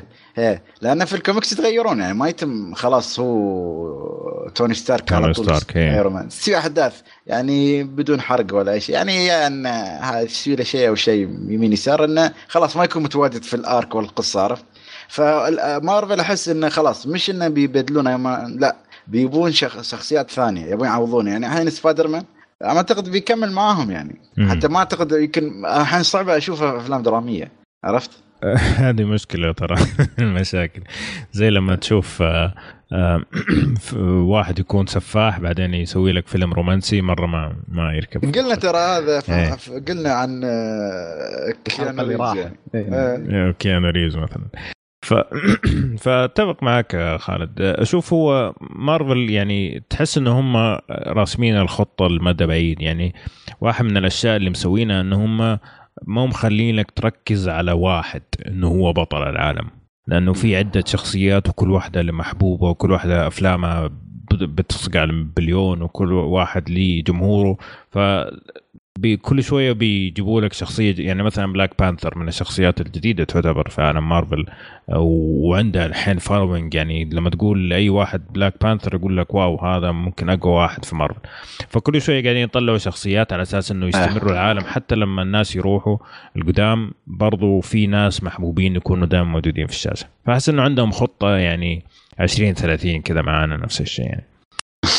طيب ما أدري بالنسبة لي ما أنا إيه كم تفضل. كم لا لا كمل أنا أنا كنت بقول إنه ما عندي شيء أبغى أضيفه في الموضوع هذا بس أبغى أشوف آه. إذا أنتم في شيء ممكن أنا فاتني في النقاش أسئلة معينة عن هذا الموضوع أنا لا كنت أبغى أسأل سؤال يعني بما أن ذكرنا superhero كنت أبغى أسأل شو هو أفضل فيلم لك قبل وبعد ايرون مان؟ فيلم واحد يعني يعني, مش أفضل سوبر فيلم hero؟ عجب فيلم آه. سوبر هيرو ولا بشكل عام؟ لا ش... superhero اللي نتكلم عن superhero قبل ايرون مان وبعد ايرون مان أنا بالنسبة لي يعني أنا ما أشوف كثير superhero لكن آه. ايرون مان الأول يعني تابعته ست خمس مرات بصراحه لا لا ايرون مان ما قد اختار أنا قلت آه. قبل وبعد ايرون مان نفسه لا لا لا عادي عادي okay ايرون طيب. مان ممكن ما في غيره صراحة آه. يعني ال- الأشياء الباقية قبل ايرون مان هالأشياء يعني ما لا قبل ايرون مان ما أعتقد فيه بس بعد ايرون مان 1 ممكن Guardians of the Galaxy ال volume 1 و 2 أوه، كلهم كانوا كان. كانوا إيه. خاصة 2 زادوا جرعة الكوميديا يعني بشكل كبير و يعني وقللوا التركيز يمكن على القصة شوي لكن كان الكوميديا فيه جدا جدا رهيبه بس عمر. يعني آه، آه. رهيب جدا. قبل ايرون مان ممكن سبايدر مان 2 يا 1 يا 2 والله واحد فيهم يعني. زين. آه بعد ايرون مان والله اتفق مع آه عبد الله Guardians of the Galaxy يعني من أكثر الأفلام اللي استمتعت فيه في السينما. أنا كنت شوية إلى هذيك المرحلة كنت شوية طيب كنت شوية طفشان كذا من أفلام مارفل خاصة ان آه، شوية يعني كانت مرحلة تفريخ ال- الكوميديا ال- الفارغة هذيك الفترة. فمرة كنت طفشان من أفلام مارفل. بعدين جاء Guardians of Galaxy ورجع حمسني مرة ثانية لأنه الكوميديا كانت جزء من القصة مو بس استخفاف يعني.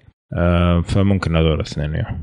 ثواني عندي سؤال بس. آه لا السبايدر مان حق توبي ماجواير أي جزء اللي كان فيه فينوم 2 ولا 3 لا three 3 3 هو اللي خرب ال... دمر ال- ال- دمر السلسله القصة.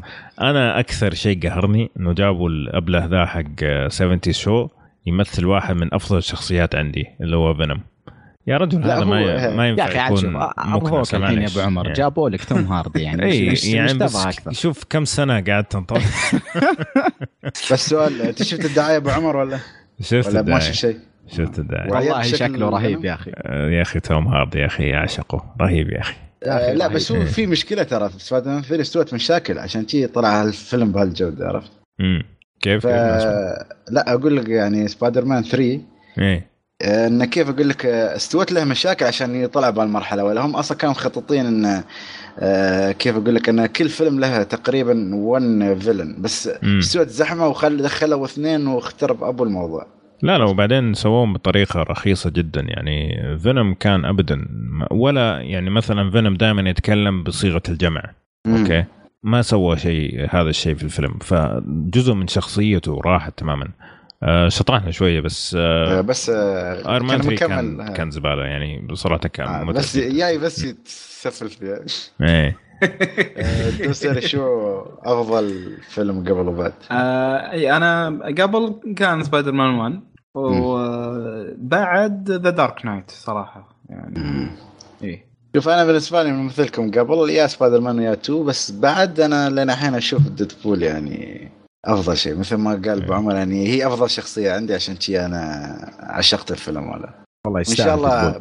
وإن شاء الله أبو كان. عمر يعني إيه. فيلم فيلم يعني يعجبك لدرجة إن شاء الله يطلع كويس طبعا هم سوني مخططين يسووا عالم طبعا في في جزئية آه، سبايدر مان مجموعة اسمها. Sinister 6 في مجموعه ستة. ستة شخصيات شريرة معدومة يعني. فالفكرة إن هم يبغوا يسووا الست الشخصيات بعدين يسووا فيلم سبايدر مان يجمع كل الست الشخصيات. بس ما أعرف هل دكتور- مع مارفل ولا لا. وكانت في خطة إن يسوونها على أساس انه في الجزء الثالث من Ultimate سبايدر مان بس للأسف فشلت. Amazing سبايدر مان أيوه بس الحمد لله Amazing. Ultimate لا الحمد لله. آه. ليش مع الأسف؟ الحمد لله. كانت سلسلة زفت صراحة. أنت معروف- على آه، السلسله يا آه. أبو عمر. والله مرة سيء يعني الأول آه ما قدرت أخلصه. بعدين تغصبت وخلصته وقلت يا ريتني سمعت كلام نفسي وما خلصته. الثاني آه من البوستر كذا أصلا ما ما ما تفرجت عليه. من البوستر حق الفيلم عرفت إنه شيء أبو كلب. وفعلا بس ما أدري كيف. أبو بول جيماتي يعني. هل ممثل ترى بول جيماتي في- أي مزبلة. طالع. في Hangover 3 جاي ما أدري فيلم. اي إيه، تلاقيه في أي مزبلة. ويجي ويبدع. لا والله الزبالة. اللي هو فيه يبدع سبحان الله. والله فنان. إيه لكن تلاقيه في أي شيء عادي يعني. ما عندك مشكلة. آه، طيب خالد أنت ما قلت لنا. ولا قلت؟ آه، إيه. قلت ترى سبايدر مان 1 و 2 وديدبول. إيه وديدبول إيه صحيح. طيب أتوقع غطينا كل الجهات بس ما أدري هل في شيء ممكن نسيت أنا أذكره عن الموضوع هذا أو شيء نبغى نتناقش فيه؟ لا هو في أكيد أشياء بس لو الشباب يعني يذكرونا إن شاء الله في تويتر؟ واضح إنه أنت شا- في عندك شيء بس ما ما تود لا لا والله ناس يعني تعرف المشكلة آه،. تعرف تفرعنا وايد لدرجة. وصلنا الرواتب الرواتب. الممثلين يا رجل صحيح طيب، لا بس آه، أحس النقاش كان جميل ما أدري عن نعم، نفسي أنا نعم. استمتعت فيه يعني طيب أنا طيب. عندي سؤال تتوقعون آه، أنا لأنه أنا بالنسبة لي صراحة بعد موضوع انه انه إنه روبرت داوني جونيور ما بقى له إلا تقريبا في عقده فيلمين مع مارفل صح ولا لا؟ صحيح Avengers وفيلم Avengers نعم. الجاي وفيلم يا- لحاله إيه. يا أخي أنا يعني ما أقدر اتصور صراحة ايرون مان ب- ب- بأي ممثل غيره لأن كذا طريقة تمثيله أكثر شخصيته يعني هو. جاب إيه. شخصيته وحطها توني ستارك كيف بعدين هل هل هل بيجيبون له يعني شخص بديل يكمل على لا، نفس لا، لا، الشخصية لا. نفسها أم إنه حيكون في آه، زي مثل ما. تقول باتمان بروس وين وتوماس وين يعني شخص مختلف تماما آه، أو حيكمل من السلسلة أم حيسوون آه، ح- حيعيدون بنائهم تقريبا شوف ايرون مان ثاني ما أنا معك أنا قلت لك ترى قبل ايرون مان ثاني ما أشوف مش ايرون مان ثاني ايرون مان ثاني ممكن يكون موجود بس ما بيكون توني ستارك بيكون شخصية ثانية. أو حتى أصلا ما يبون ايرون مان خلاص ينسونه آه. ممكن آه زي ما قال خالد يعني احتمال إنه ما يكون توني ستارك ممكن يكون فتحي عبد السميع يعني بس إنه يكون شخص ثاني يعني؟ إيه بس إنه يكون هو اللي لابس ال suit يعني وقد إنه يستغنوا تماما عن ايرون مان عشان ما يصير في ردة الفعل السلبية إنه زي ما قال محمد إنه جوكر خايس هذا ونفس الشيء حيصير مقارنات باتمان يعني. بن أفلك ولا آه. لا يا أخي أصلا معلش إيه. بالسينما ما في إلا باتمان واحد بن أفلك وممكن كان مايكل كين يعني ال- ال- البريطاني شو اسمه ذاك؟ آه، كريستيان بيل. كريستيان بيل كان مم. يعني معليش ما هو براك مرة باتمان يعني صوته آه، باتمان. اي مرة مرة cheesy مرة يعني اسوء باتمان مرة على التاريخ يا أخي بات- يستخدم جهاز عشان يغير إيه، صوته إيه. يعني. إيه لا لا اسوء. واحد كان جورج كلوني معليش جورج كلوني طلع لك باتمان مرح يا رجل إيش الكلام الفارغ هذا أنت لما تشوف. لما يلف راسه مخياس ونسيناه أصلا هذا تخيل إن جورج كلوني ما كان يقدر يلف راسه كان لازم لازم يلف جسمه كامل عشان يشوف وراه فهمت علي؟ أو يشوف يمينه إيه تخيل لهالدرجة سوء ال design ال- ال costume ماله حق حق لا البدله هذا إيه. لأنه لأنه متقمص الشخصية واجد فيك انت يا ريال حتى في الفيديو جيم يلف راسه جميل. لا الفيلم هذاك كان كارثي كان باتمان روبن. آه، كان في آه، أرنولد آه، شوازنيجر آه، آه، مستر فريز وجيم كاري ذا ريدلر وكان يعني حقت كل كارثة- بل وش كارثة. اسمه يا أخي آه، جيم أوما إيه. كان شكله كنت أبغى مضحك. آه، لا بس أقول لك أهم شيء فيزا مال باتمان. أقول لك نقاط الضحك على اللقطة ما أدري لو شفتوها. والله يا أخي آه، ما ما اتذكر أتذكرها صراحة لكن تكون, تكون في فيزا حق باتمان هون يشتري فيها. شو يا رجل؟ لا لا الفيلم الفيلم سيء. كارثي كارثي كان. لكن يا أخي في باتمان من جد يعني يستحق الذكر اللي هو ال- ال- ال- تبع تبع ال- ال- ال- وش يسمونه هذه؟ ال- ال- ال- افلام الكرتون. animation باتمان باتمان لا, Return؟ إيه، آه، لا لا لا باتمان يا أخي رهيب صوته والله رهيب رهيب يعني بس, بس. في مبالغة أنا ما عجبني فيلمه مرة. ما عجبني الفيلم الفيلم ما. شفته صراحة بس عجبني لما كان في Lego Movies لا لا كان, كان, مرة رهيب شخصية رهيبة صح. الأصوات جدا ممتازة لا بس نصيحة طيب. شي يعني طلعت على السريع اللي شو اللي خاطر يشوف فيلم باتمان باتمان شوف مم. باتمان Return part 1 و part 2 من الأفلام ال- هي animation بس محترمة يعني آه، جدا. ممتاز. حلو الكلام طيب يعطيكم العافية شباب صراحة النقاش كان جميل وأتوقع لو تفرعنا ما راح نخلص. إيه، حنبربر لين. إيه فممكن نوقف هنا ونكمل في حلقة ثانية إن شاء الله. خلينا ندخل على الأفلام حقت اليوم. الفيلم الأول اللي حنتكلم عنه فيلم من التراث آه، واحد من الأفلام الأكثر شهرة آه، لروبرت دينيرو واللي يعتبروه الناس أيقونة في عالم آه، روبرت دينيرو اللي هو Taxi Driver آه، Taxi Driver آه، طبعا من من اسم الفيلم قد يخدعك إنه هو يعني فيلم عن الحياة في نيويورك مثلا ولا عن سواق تاكسي ولا عن لكن هو فعليا يتكلم عن شخص آه، يعاني من زي ما تقول الأرق بعد ما رجع من الحرب من فيتنام. أوكي؟ فالفيلم يحكي بشكل كبير عن الشخصية اللي هو ترافيس آه، بيكل وكيف حياته بعد ما رجع من فيتنام سواء كانت نفسيا سواء كان كيف يشوف العالم آه، عدم مقدرته على النوم آه، الأشياء اللي تصير في مخه. فالفيلم فعليا فيلم نفسي أوكي؟ ويتبع بشكل كبير الشخصيه هذه اللي ترافيس بيكل لدرجة إنه الفيلم كله فقط مشهدين اللي مو موجود فيه هذه الشخصية. جميل؟ الفيلم طبعا نزل عام 76 من آه، إخراج مارتن سكورسيزي أوكي؟ وكان هذا ثاني تعاون مع مع روبرت دينيرو. آه، من الممثلين الموجودين في الفيلم كانت آه، جودي فوستر بدور بسيط كان عمرها 12 سنة. وهارفي كيتل وعندك آه، سيبل آه، شيبرد. طبعا ممكن الأسامي ما- تذكركم بشيء بس لما تشوفوا الشخصيات راح تتذكروها يعني. جميل. الفيلم ماخذ آه، 98% في Rotten Tomatoes 5 من 5 في The Guardian و8.3 في IMDb حلو الكلام؟ 90 في Metacritic يعني. يا ف ميتا كريتيك فرقم كبير مثل هذا. ماخذ تقييمات عالية جدا جدا. جدا. يعني ارقام ثقيله جدا. طيب ما دامك معاي انت على الخط يا عبد الله أعطيني إيش رأيك في الفيلم بشكل عام؟ يا أخي تعرف أصعب شيء لما أتكلم عن ال- الأفلام الثقيلة هذه؟ لأنه من كثر التفاصيل والأشياء اللي. تبغى تقولها ممكن تنسى نص كلامك. لكن بشكل عام الفيلم آه، أول شيء ما أدري يا أخي أتكلم عن الشخصية أو الفيلم بشكل عام لكن لكن لأنه فعلا. الشخصية هذه يمكن أفضل الشخصيات اللي كانت في في شفتها أنا.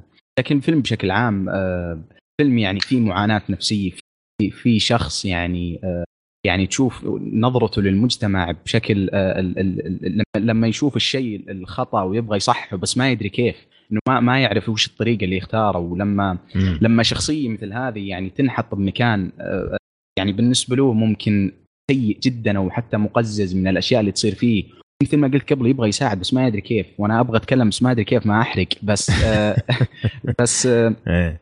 لا الفيلم الفيلم عظيم طبعا. يعني يمكن بالنسبة لي أنا اشوفه من أفضل ثلاث أدوار ال- ال- روبرت دينيرو بالراحة. حتى ممكن يكون الأول أو الثاني يعني إيش إيش الاثنين الثانيين بس؟ الشطحة كذا. إيه. أكيد Godfather واحد منهم. طبعا أكيد. بس الثالث يا أخي تحتار. في فيلم للأسف ما هو مشهور. ال- ال- ال- اللي لا اللي كان The King of Comedy أو أو The Comedy إيه إي نعم. أنا والله ما أتذكر الفيلم كثير لكن أداؤه فيه كان والله رهيب. ما شفت أنا. ليه؟ لأنه الفيلم للأسف أصلا فشل لأنه تعرف فترة الثمانينات والسبعينات الناس كانت ما تتعلق إلا بالشخصيات ال- ال- ال- الهياط والقوية.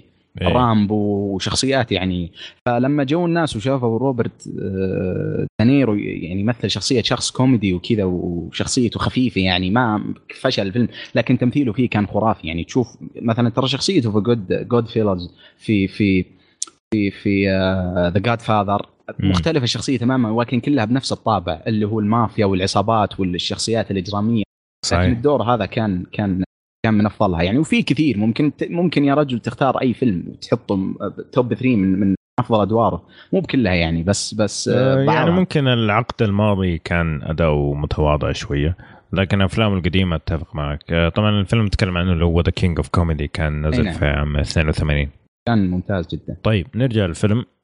ف ما تعرف تبدأ؟ تبغى توصل تستنى لما نفصل أي نعم. لأنه يا طيب. أخي صعب تتكلم عنه بشكل عام الفيلم. هذا أوكي. التفاصيل اللي فيه طيب محمد طيب آه، عندك اللي هو يا طويل العمر آه، آه، الفيلم يركز بشكل مهم وبشكل جدا كبير على الحالة العقلية حقت يعني هذا اللي هو تاك- Taxi Driver نسيت اسمه هو. إيش في الفيلم ترافيس. صح؟ إيه ترافيس. ف ف فزي ما تقول هو معظم الوقت هو قاعد يحاول يتع... يتعدى هذه المشكلة اللي في يعني المشكلة العقلية اللي عنده إنه يعني في عنده. اضطراب بسيط ف... فمعناته إيش إنه هو آه، ما عنده يعني شفنا إنه ما عنده أهل ما عنده آه، أصدقاء ما عنده أحباب آه، يعني كلوز كله إيه. عنده علاقات ولكن عادية بمستوى أيوه. عادي جدا فما. اي فمعناته إنه هو أشبه بالوحيد ووحيد مع إيش؟ وحيد مع أفكاره ف... ف... ف... فللاسف أن الأفكار اللي باقية معاه في عقله هي الأفكار الس- السوداوية في في في عقله. انه والله أنا يعني أنا عندي هذه المشكلة لكن ماني بعرف كيف أحلها. آه، فشفناه مثلا كيف قاعد يحاول يبني له حياة معينة يبني له روتين معين بحيث أنه يوازن بين مرضه العقلي بين نفسيته بين علاقاته الاجتماعية وأيضا آه، بين أنه يعني يوفر قوت يومه من خلال وظيفته هذه. آه، فالوزنية هذه اللي بين أربع نقاط هذه هي اللي مسببت له المشكلة. وإحنا ما إحنا بعارفين يعني أصلا في شخصيته. إحنا نتعاطف معاه لأنه يعني هادي جدا تحس أنه مؤدب وهذا ولكن ممكن إنه يفعل فعلة جدا بسيطة تعفس له يعني شيء كان ينويه. مثلا يخرب عليه علاقة ولا يخرب عليه يسبب له موقف عند الناس ويبين وكأنه إنسان مجنون. أيوه. آه، فهذه هذه هذه هذه جمال الفيلم. ان أن أنت خلاك أنت أيضا في حيرة. أنت ما تعرف أنت وين بالضبط. ولكن مع ذلك ان أن ال- الشخصية موزونة في هالم- في في, في طرحها لهذا الشيء. جميل. خالد؟ Are you talking to me? عاد مضبوطة ترى. لا لا شوف آه، أنا متفق معاكم بس أنا ما أحس اضطراب عقلي. أنا أحس الريال فيه فراغ في ما يعرف كيف يملأ الفراغ. هل يملاه بالعنف بالحب بال ال- ال- ال- ال- ال- مثل ما قال دوسير يعني ما عنده لا أحباب ما عنده أهل صوبة ما عنده حد. يعني حتى في الاشياء أحداث الفيلم يحاول إنه يسوي علاقات فيعني تح- تحسه هو يبي يحاول ما يبي يوصل للمرحلة الإكستريم. يبي يحاول يكون إنسان عادي بس صعبة. صعبة مثل ما قال أبو عمر إن الريال كان في في الحرب فهناك ما في إلا حل واحد يعني. يا تعيش يا تموت. صحيح. أنت في حياة عادية خلاص لازم تتأقلم. فهالكلام وإن شاء الله ني على الإخراج والأشياء. جميل. ما في شيء كثير أزيده على كلامكم لكن فعليا يعني هو الفيلم أساسه فكرته.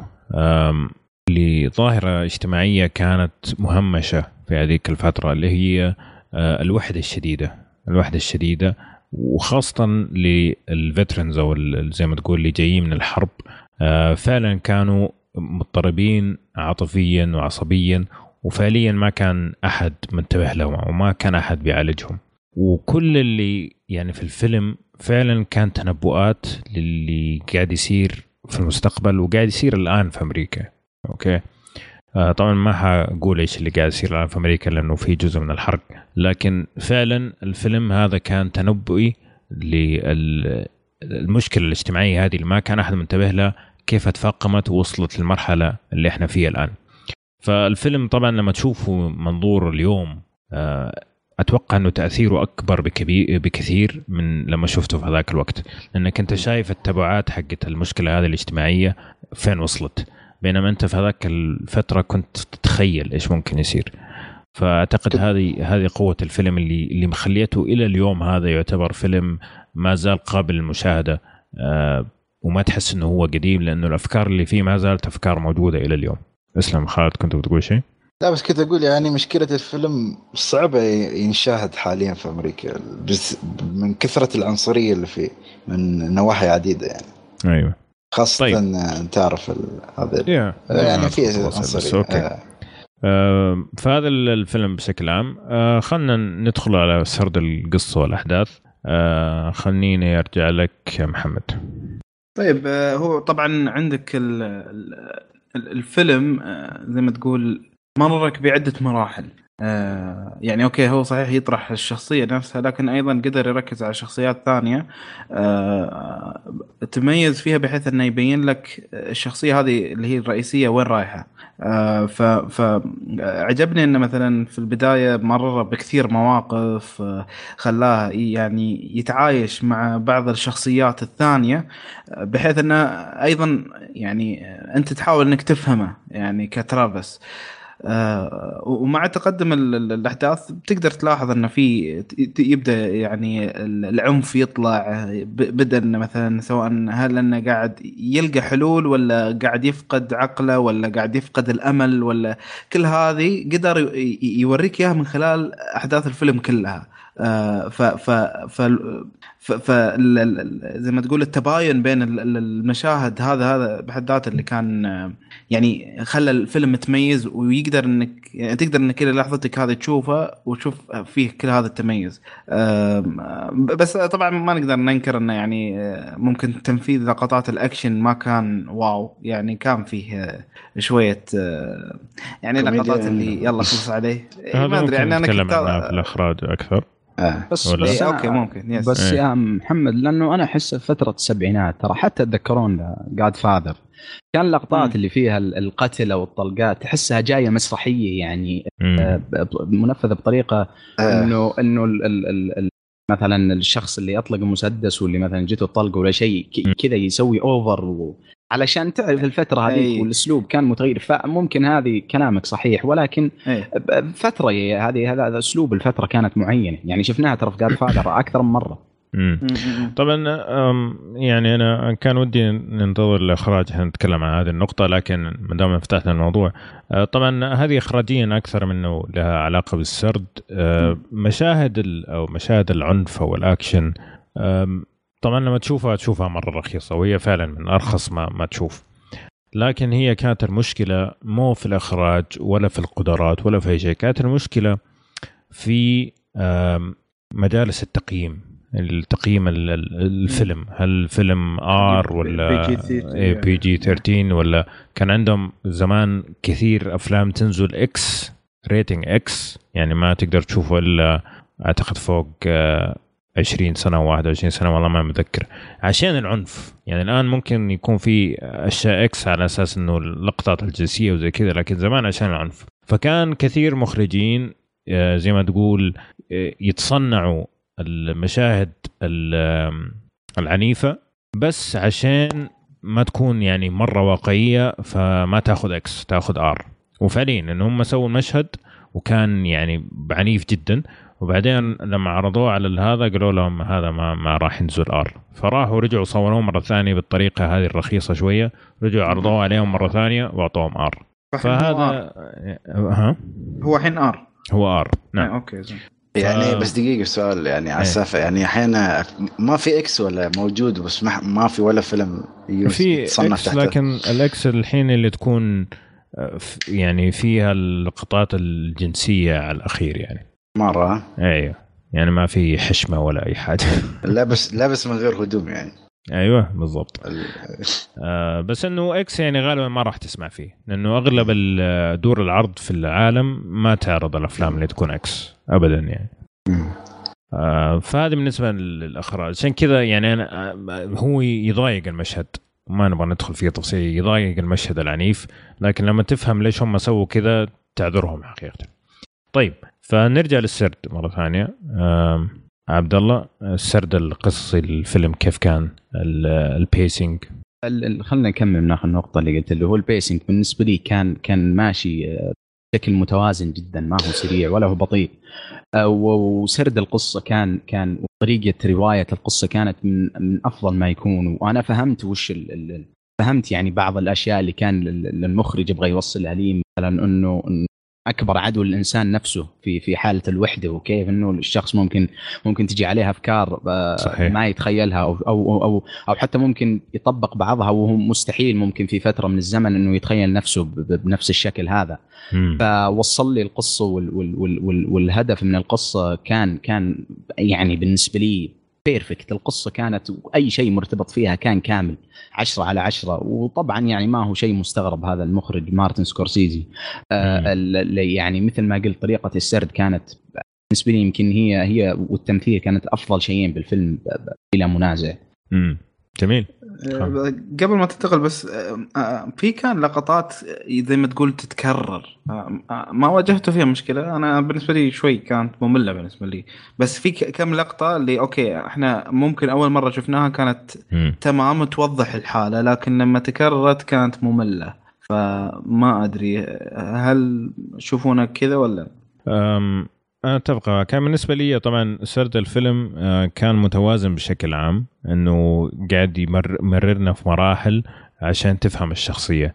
لكن مع ذلك الفيلم ما يخلو من بعض المشاهد اللي حسيت إنها ما لها داعي أو حسيت إنها مملة بالنسبة لي. قتلت شوية زي ما تقول حماس الفيلم ما هي كثيرة لكن موجودة. آه غير كذا آه طبعا التمثيل لي جزء كبير من هذا التمثيل بشكل عام ما دامنا فتحنا الباب ممتاز جدا ما عدا شخصية واحدة. ما أدري تتفقوا معي ولا لا. اللي هي بيتسي. okay. آه حبيبته؟ على أساس أيوه اللي هي تشتغل في مكتب المحافظ. اي بالضبط إيه. yes. هذه آه كان تم تمثيلها طبعا هو مارتن سكورسيزي كان بيدور على واحدة زيها زي الممثلة هذه على أساس إنه هي مثيرة آه جسديا يعني وكذا. فمديرة أعمالها قالت طيب هي موجودة ليش ما توظفها هي نفسها؟ فيقول لك طبعا أنا هذا الكلام عرفته بعد ما شفت فيلم قاعد أقرأ الفيلم. يقول لك إنه كانت كارثة في التمثيل لدرجة إنه المشهد الواحد كانوا يعيدوه خمسين مرة عشان ما. قاعدة تتذكر ال- ال- ال- ال lines حقتها مع إنه كل الكلمات اللي عندها والجمل اللي عندها ما هي كثيرة مرة. صحيح. فحتى لدرجة إنه روبرت دينيرو جاته فترة كان يبغى يقول أبوكم على أبو الفيلم. بس عشانها يعني.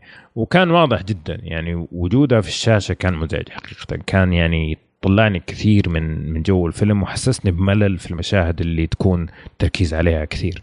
آه، فهذه يعني نص سرد نص تمثيل بس لأنه ما سمعت آه، رأي خالد في السرد ف أيوه إيه. حسيتوا إنكم سحبتوا علي. رحتوا لا الإخراج.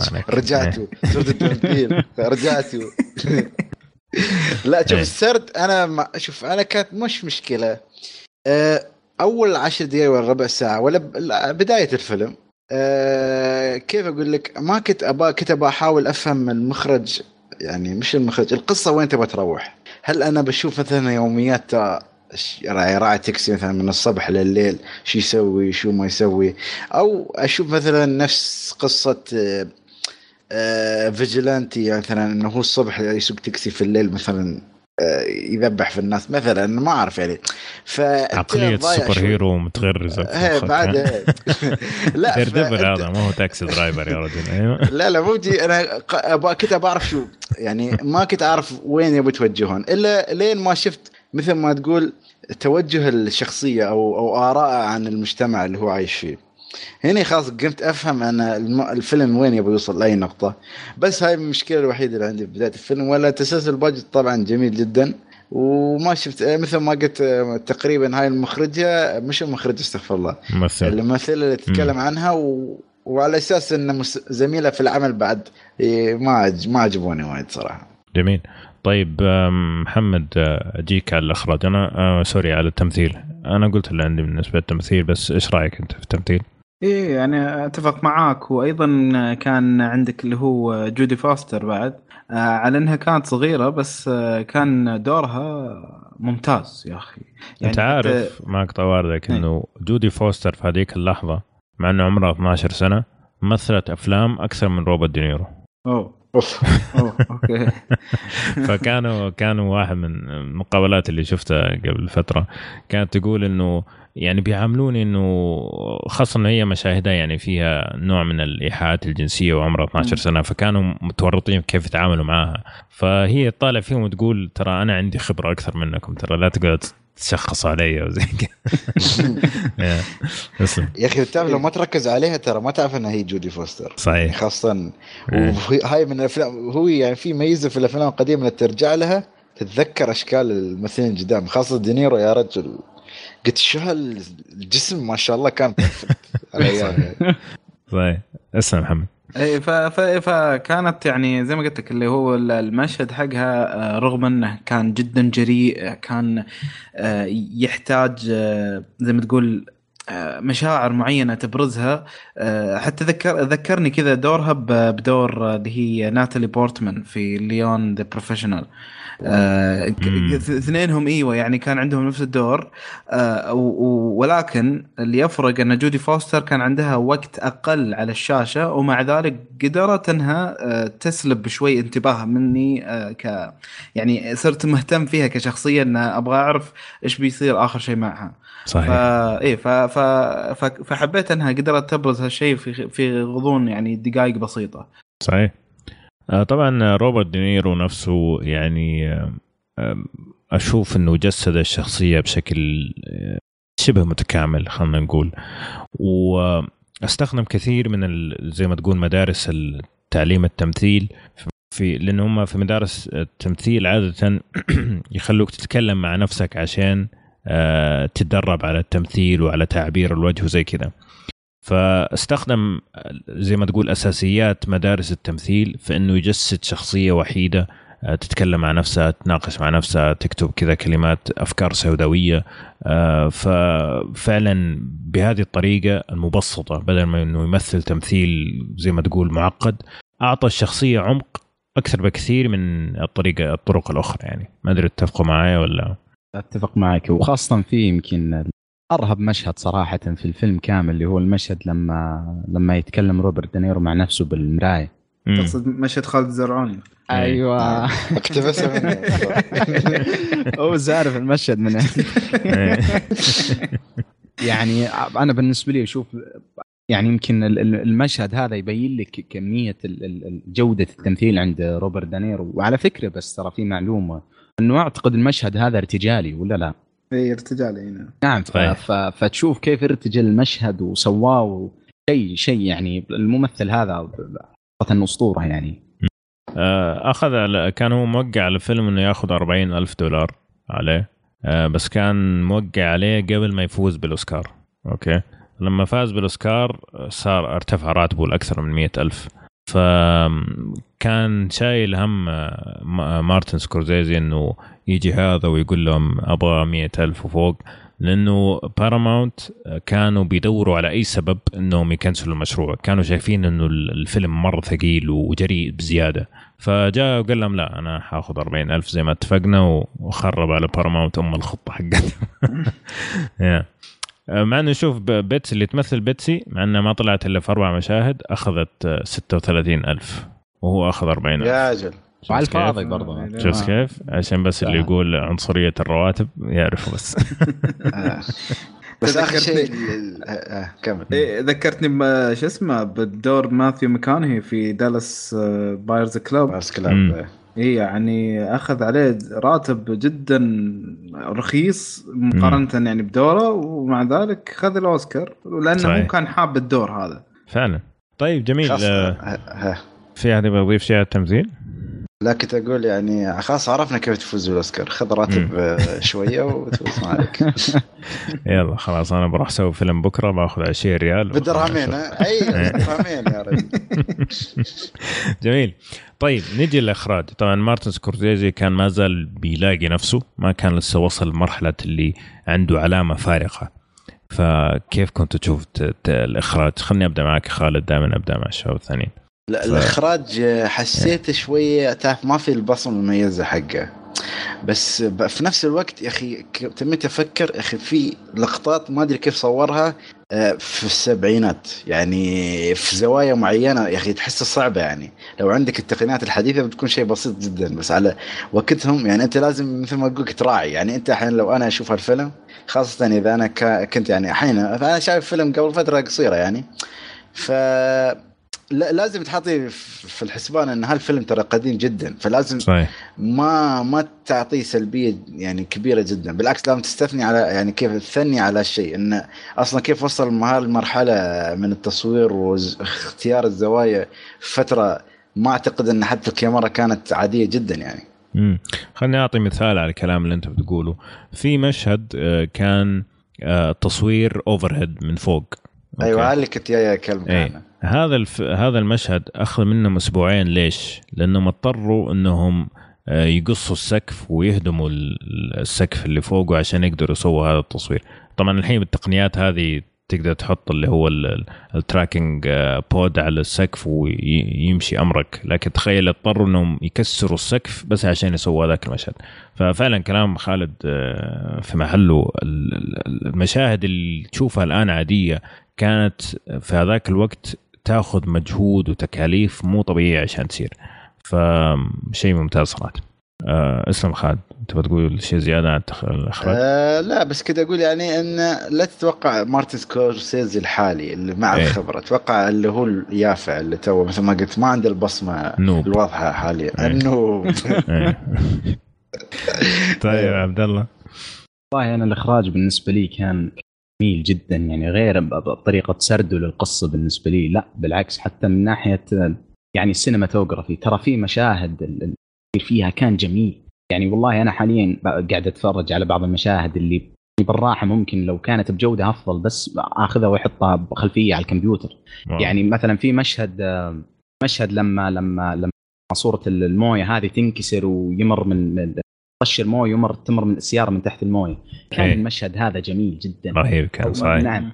وحتى المشاهد لما كذا يجيب لك لوح ال- العبارات ك- والألوان عليها ومع مع سوداوية الشارع كانت رائعة جدا. مم. فالإخراج بالنسبة لي صحيح ما هو ما هو مارتن سكورسيزي اللي نعرفه حاليا مثل ما قال خالد بس إنه برضو آه، ممتاز جدا. لا ينسى الواحد يعني إذا تفرج ترى بالاخير الفيلم قبل 40 سنة. صحيح صحيح. ما هو بنفس التقنيات اللي مم.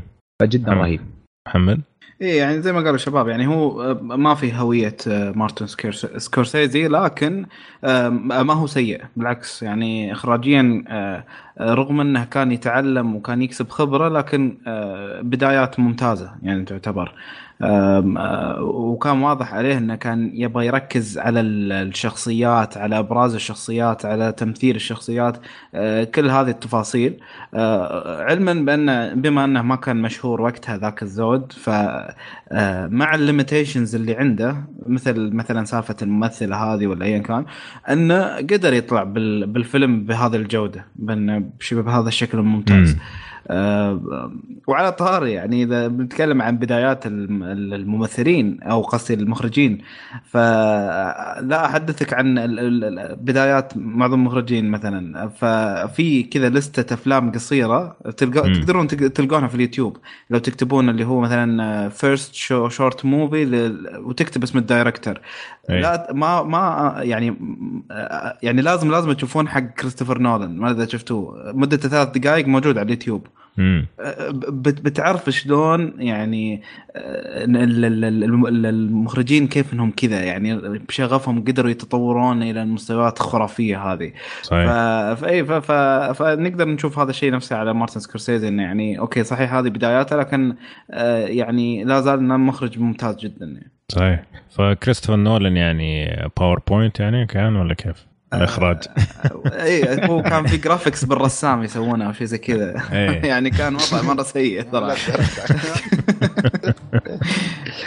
آه في بس نقطة أخيرة بقولها على الإخراج آه بدون ما أدخل في تفاصيل بس اللي يشوف الفيلم آه أبغاه يتخيل آخر مشهد في الفيلم يقصه كذا في باله ويحطه كأنه أول مشهد في الفيلم okay؟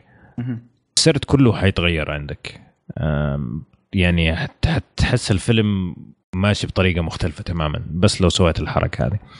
فهذا إبداع في الأخراج. المخرج والكاتب ترى الكاتب مرة اشتغل كثير في مسألة إنه آه، ساعد سكورز آه، آه، مارتن في إنه يطلع المشاهد بالطريقة اللي هو كان شايفها. فمسألة المشهد الأخير هذا كانت فكرته هو مرة فكرة رهيبة كانت. طيب جميل جدا. خلنا بس آه، سؤال بس بسيط. يعني ما في الحين اللقطة اللي كان فيها شو يسمونه قلت لي عنها المسدس أو القتال يعني. إي. على أساس الاكشن آه، ما في مثلا ال cut اللي, مثل ما تقول عنه آه لما جاي ينزلوا بلوراي يقول لك راح دور على المشاهد ال- القديمة وما لقاها. فنزلت زي ما هي. حتى لو في على تلاحظ. لون لون الدم طالع على زهري شوي. هذا واحد من آه. الأسباب. آه، مو- فهمته. إيه. مش واحد من الأسباب إنه كانوا يبغوا يخففوا ال- ال- العنف البصري عشان ما ياخذ X فحتى ألوان الدم خلوها فاتحة. معقدين يا شيخ حقون السبعين. المشكلة برا كلهم حشيش وما ادري إيش وبعدين يجي يقول لك آه استغفر الله. طيب آه قبل ما نروح نهاية الكلام آه خلينا آه نجاوب على الأسئلة المعتادة. آه هل الفيلم فيه تعري؟ في لقطة واحدة سريعة تقريبا ثانية واحدة. وتقطع. آه. فبس غيرها ما في. آه، في بدات كلام كثير مرة. متروس. إيه. آه، ينفع للمشاهده الجماعية أو العائلية؟ آه، أنا أشوف أشوفه صعب شوي. يكأبهم الفيلم. إيه. Yes. صعب. يبغى له كي تركيز وتدخل في mood معين. طيب مين ممكن يعجبه الفيلم؟ اللي يدور عن كلاسيكيات. الق- القرن الماضي. أوكي. والله أنا أشوف ممكن أي أحد يشوف الفيلم يعني هذا الفيلم أيقونة. يعني آه، وفيلم يعني برضو لو لو كان الواحد مثلا يحب الشخصيات العميقة والصراع النفسي ممكن هذا الفيلم حيكون أعتقد اللي يدور عليه.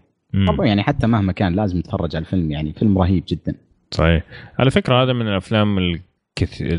اللي شجع ناس كثير يصيروا ممثلين منهم آه، ليوناردو دي كابريو بعد ما شاف الفيلم هذا كان آه، اقتنع إنه هو يبغى يصير ممثل وغيره كثير مرة ناس كثير. محمد. إيه بالضبط نفس ما قال عبد الله يعني اللي اللي يبحثون عن ال- الأفلام اللي فيها طابع الصراع الداخلي آه وشغله مهمه أن آه لا تأخذ آه، يعني يعني الفيلم أنه فيلم أكشن لا ما فيه هذا الجانب. يعني الأكشن فيه بسيط جدا بس اللي غالب على ال- ال- المسلسل أو قصدي الفيلم اللي هو فكرة التعرف على الشخصية والانتقال يعني نفسيا يعني في مراحل اللي قاعد تمر فيها الشخصية هذه. يا أخي ساري خلاص تعبنا من تلميحاتك يعني إيه، اشكر مسلسل خلاص، references هذا. إيه، واضح يبغوا يتركونا طيب. جميل جدا. نجي لنهاية الكلام. آه، تنصحوا الفيلم ولا لا؟ طبعا. آه، أنصح فيه. من نعم. الكلاسيكيات اللي لازم تنشاف خاصة لو أنت. عاشق للسينما. آه، هذا من الأفلام اللي لازم تشوفها. آه، طبعا زي ما قالوا الشباب آه، ممكن تواجه صعوبة في الألوان في الإخراج القديم. لكن مع عمق الفيلم راح تنسى هذه الأشياء بسرعة.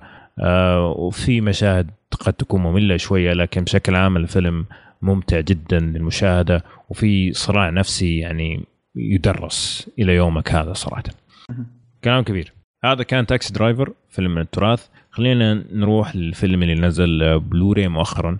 آه، نزل في عام 2017 اللي هو It okay. آه، طبعا It مبني على قصة من قصص آه، ستيفن كينج القصة تنقسم إلى جزئين. الفيلم اللي نزل السنة الماضية يحكي الجزء الأول فقط آه، والجزء الثاني راح ينزل السنة هذه. فالفكرة إنه طيب الفكرة خلني أختصر الموضوع. في كلاون مهرج جايب العيد في البزورة ومرعبهم بيطلع في مخاخهم وقاعدين يتخيلوه في كل مكان جايب لهم الهم في حياتهم. آه فالفكرة إنه هذول الأطفال قاعدين زي ما تقول عندهم صراعات داخلية منها هذا ال- الكلاون أو المهرج لازم يتغلبوا عليها عشان يقدروا يستمروا في حياتهم. وطبعا الأطفال هذول عندهم أصلا مشاكل في حياتهم الشخصية سواء كان مع أبهاتهم سواء كان مع أمهاتهم مع حياتهم المدرسية وكل هذا الكلام.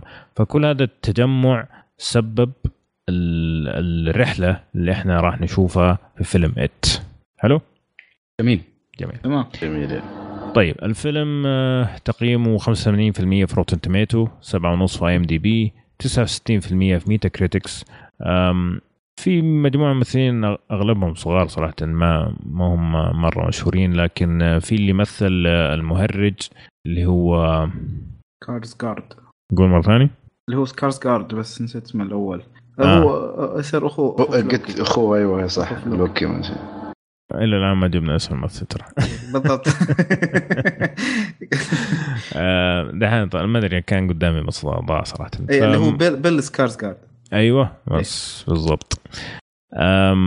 هذا ممكن هو الوحيد اللي معروف يعني فيهم. جميل؟ آه، في اللي هو فين فين وولف هارد اللي هو موجود في Stranger Things أيوه صحيح. إيه. الفيلم من إخراج آه، أندريس موسكيتي إيطالي شكله أنا.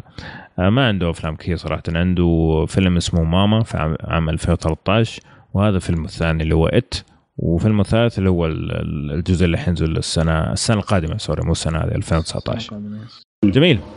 طيب خلينا نجي للفيلم ونتكلم عنه بشكل عام. طبعا الفيلم رعب بشكل عام زي أغلب أفلام ستيفن كينج. فقل لي يا محمد إيش رأيك في الفيلم بشكل عام؟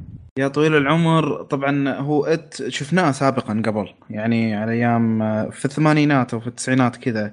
آه، فيلم. تلفزيوني كان إيه كان فيلم تلفزيوني كان. مدته تقريبا ثلاث ساعات وشوي وكان للأمانة أيضا كان مرعب جدا لدرجة أيوه. إنه كان وأنت بكرامة ما يخليني أدخل دورة المياه يعني لأني كنت أسميه ب... إيش يسمونه مهرج البالوعه أو شيء زي كذا إيه. فعموما إنه إيه ف... فهذا اللي فرق معاي في فيلم انه ال... بالعادة أفلام الرعب الحالية يجيبون لك الرعب ومن ثم يبنون حوله القصة. لكن هنا العكس. هنا جاب لك القصة بنالك الشخصيات الشخصيات بنالك ال- ال- ال- المدينة نفسها وال- وال- وال- والأفكار اللي يعني متواجدة في المكان. ومن ثم جاب لك الرعب من خلال بيني وايز أو حتى من خلال أفكار ال- ال- ال- السبعة اللي الشخصيات الرئيسية. ف ف فالفيلم يعني من الناحية هذه يعني كان هو اللي خلاني استمتع أكثر بالفيلم. آه، أنه يعني لا كان في قصة مو أنه تعال و jump scares وخلص آه، يعني آه، زي ما إحنا متعودين. تعال انفجع وامشي. ها؟ اي بالضبط. آه طبعا هو كفيلم رعب آه شوي يعتبر طويل. يعني إحنا نتكلم عن ساعتين وربع على محتوى فيلم آه رعب ترى شوي طويلة يعتبر. لدرجة إني يعني أنا مرة في فترة طويل. بسيطة اي مليت إيه يعني. آه لكن اللي خلاني أتعدى هذا الشيء إنه هو تنوع قصص الشخصيات. لأن أنت. عندك سبع شخصيات وكل واحد عنده قصة نوعا ما يعني ما ما مو ما قالوها كلهم بس انه على الأقل لمحوا لبعضهم صحيح. ف... فيعني هذا فكرة عامة يعني عن رأيي بال- بال- بالفيلم. جميل. خالد؟ آه، والله قبل ما أبدأ كلامي يعني حاب اعترف اعتراف بسيط. أيوه. أنا صراحة ما خلصت الفيلم. السببين يعني هم صراحة مش إن أيوة. السبب الأول إنه صراحة كان عندي ظروف فما قدرت اكمله مشغول شوية. هذه تصل والسبب الثاني السبب إن- الثاني. السبب الثاني هو الرئيسي بس خليت الثاني إنه شوية قلب الصغير لا يتحمل يعني. آه أوه. okay لا كذا يعني ما مقبول بس مشغول ما. مشغول هذه قديمة خلاص ما عاد تمشي. لا بس آه، شوف يعني بشكل عام يعني أنا شفت يا أخي كتمثيل وهاي يا أخي في فيلم رعب ترى شيء محترم يعني مم. يعني أنا عجبتني أفلام الرعب هالفترة لازم نسوي هالانتفاضة لأن مع مم. وجود مثل ما قلنا أفلام superhero ترى أنت ما بتاكل عيش إلا بهالطريقة يعني لازم تجيب شغل احترافي و والله كريم يعني ما أعرف صراحة ما اخذت فيلم فما أعرف شو بقول زيادة بس. بس أنا خلاص يعني ما نرجع لك في الفقرات الجاية؟ لا ترجع لي يسالني سؤال بس بحاول أجاوب. يعني. آه، يعطيك العافية خالد ما ما قصرت معنا الحلقة هذه نشوفك إن شاء الله الحلقة الجاية. آه، لا لا. لا طيب. لا تدزني في البير. آه حلو عبد الله. والله أنا كلام أبو حميد محمد يمثلني صراحة. الفيلم كان يعني كان كان كان فعلا فيلم رعب فيه قصة. واللي اللي غالبا هذا بأفلام الرعب ما نلقاه. يعني حتى أفلام رعب تعتبر كويسة مثلا Conjuring هو اسمه كذا. اي يعني فيلم رعب. كويس. اي بس كقصة أنا ما أشوف ال- القصة ال- ال- ال- ال- ال- اللي كانت كذا غريبة عن أفلام الرعب اللي قبلها. كلها نفس ال- ال- القصة. لكن السنة اللي راحت يعني جانا It وجانا Get Out كانت أفلام رعب فعلا فعلا تستمتع بالقصة حقتها. وكان طبعا الفيلم الشخصيات شخصيات الأطفال ما تحسهم ال- ال- الشخصيات الأطفال اللي ال- اللي معتادين نلقاهم بكل فيلم أو مسلسل يكون فيها أطفال. صحيح بعضهم يعني لازم شخصية الدب مثلا هذه طبيعي بس بس مثلا شخصية الولد اللي كان في في Stranger Things كانت مرة رهيبة وتبين لك فعلا القدرات اللي عند ال- ال- ال- الطفل هذا إنه كيف شخصيته ب Stranger Things شخصيته العبيطة هنا السخيفة هذه مرة. إنه إيه. كيف طبق الثنتين بشكل كويس كانت مرة حلوة. ففيلم فيلم جدا يعني كرعب آه، غير غير عن المعتاد والله أنا نفسي أنا شفته في السينما آه، لما نزل آه، في سبتمبر السنة الماضية الحقيقة المشكلة الكبرى كانت عندي إنه أنا عندي ذكريات الفيلم القديم ما زالت محفورة في مخي. أوكي؟ فلا شعوريا صار عندي المقارنة بين الفيلم هذا وبين الفيلم القديم. طبعا الفيلم القديم عشان كان مغطي الجزئيتين الجزء الأول والجزء الثاني فكان طويل زي زي ما قال محمد بس كان صراحة متعب للنفس خاصة إنه شفناه وإحنا صغار يعني. آه الفيلم هذا طبعا الجودة حقت الإنتاج كانت خرافية والمهرج وأغلب الشغل ترى كان مكياج ما كان CG. المهرج والأطفال يعني عيشوك التجربة. بس في نفس الوقت أنا مليت كثير. يعني الفيلم كان مرة أطول بكثير من ما كان يحتاج إنه يكون. جزئيات كثير مليت فيها وحسيت انها ما لها داعي. آه خلاص على آخر الفيلم أنا أبغى يخلص. هذه كانت مشكلتي الكبيرة فيه. أتوقع لو إني كنت شايفه في البيت كان ممكن يكون أخف بالنسبة لي كان ممكن أوقف أو أفوت شوية أو كذا لكن في السينما فعليا فعليا مليت آه في الفيلم. بس بشكل عام الجزئيات القوية كانت جدا قوية والتمثيل كان ممتع. لكن كان مشكلتي في طول الفيلم وسرده. ممكن نجي الآن شوية في التفصيل أكثر. جميل. فهذا بالنسبة طبعا للشكل عام. خلينا نشوف طيب آه، كيف كان التسلسل معكم عبد الله. والله التسلسل كان كويس ولكن مثل ما قلت يا أبو عمر الفيلم كان مشكلته شوي طويل. يعني ساعتين وربع على فيلم رعب آه، يعني روقنا شوي. ما بالأخير ما أنت قد فاذر ولا شيء وبالأخير فيلم رعب. يعني أنا والله يعني أنا احسه أحسه ساعة و40 كفيلم رعب مرة مناسب. Yeah. كان اي كان فلو شغلوا المقص شوي كان ممكن حيكون التسلسل أفضل. أفضل نعم. إي نعم. فممكن هذا هو. التسلسل كان كويس ولكن الطول مشكلته شوي هو اللي تحسه في بعض الأحيان قتله. امم يعني الوقت اللي أخذوه في تعريف الشخصيات كان مناسب بالنسبة لي. جدا. أشوف إنه إحنا عرفنا الشخصيات وارتبطنا فيها في فترة كانت مناسبة جدا.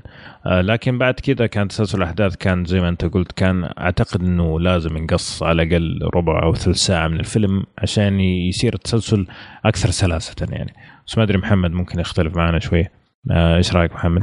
آه، لا لا بالعكس يعني الفيلم ككل يعني زي ما قلت أنت أنا بالنسبة لي ما كان متزن. يعني أنا عندي أول ربع ساعة يعني دخلني بحماس كثير وقلت يعني شكلي مقبل على ساعتين من ال ال يعني آه، الأشياء اللي راح تفاجئني باستمرار. مهرجان.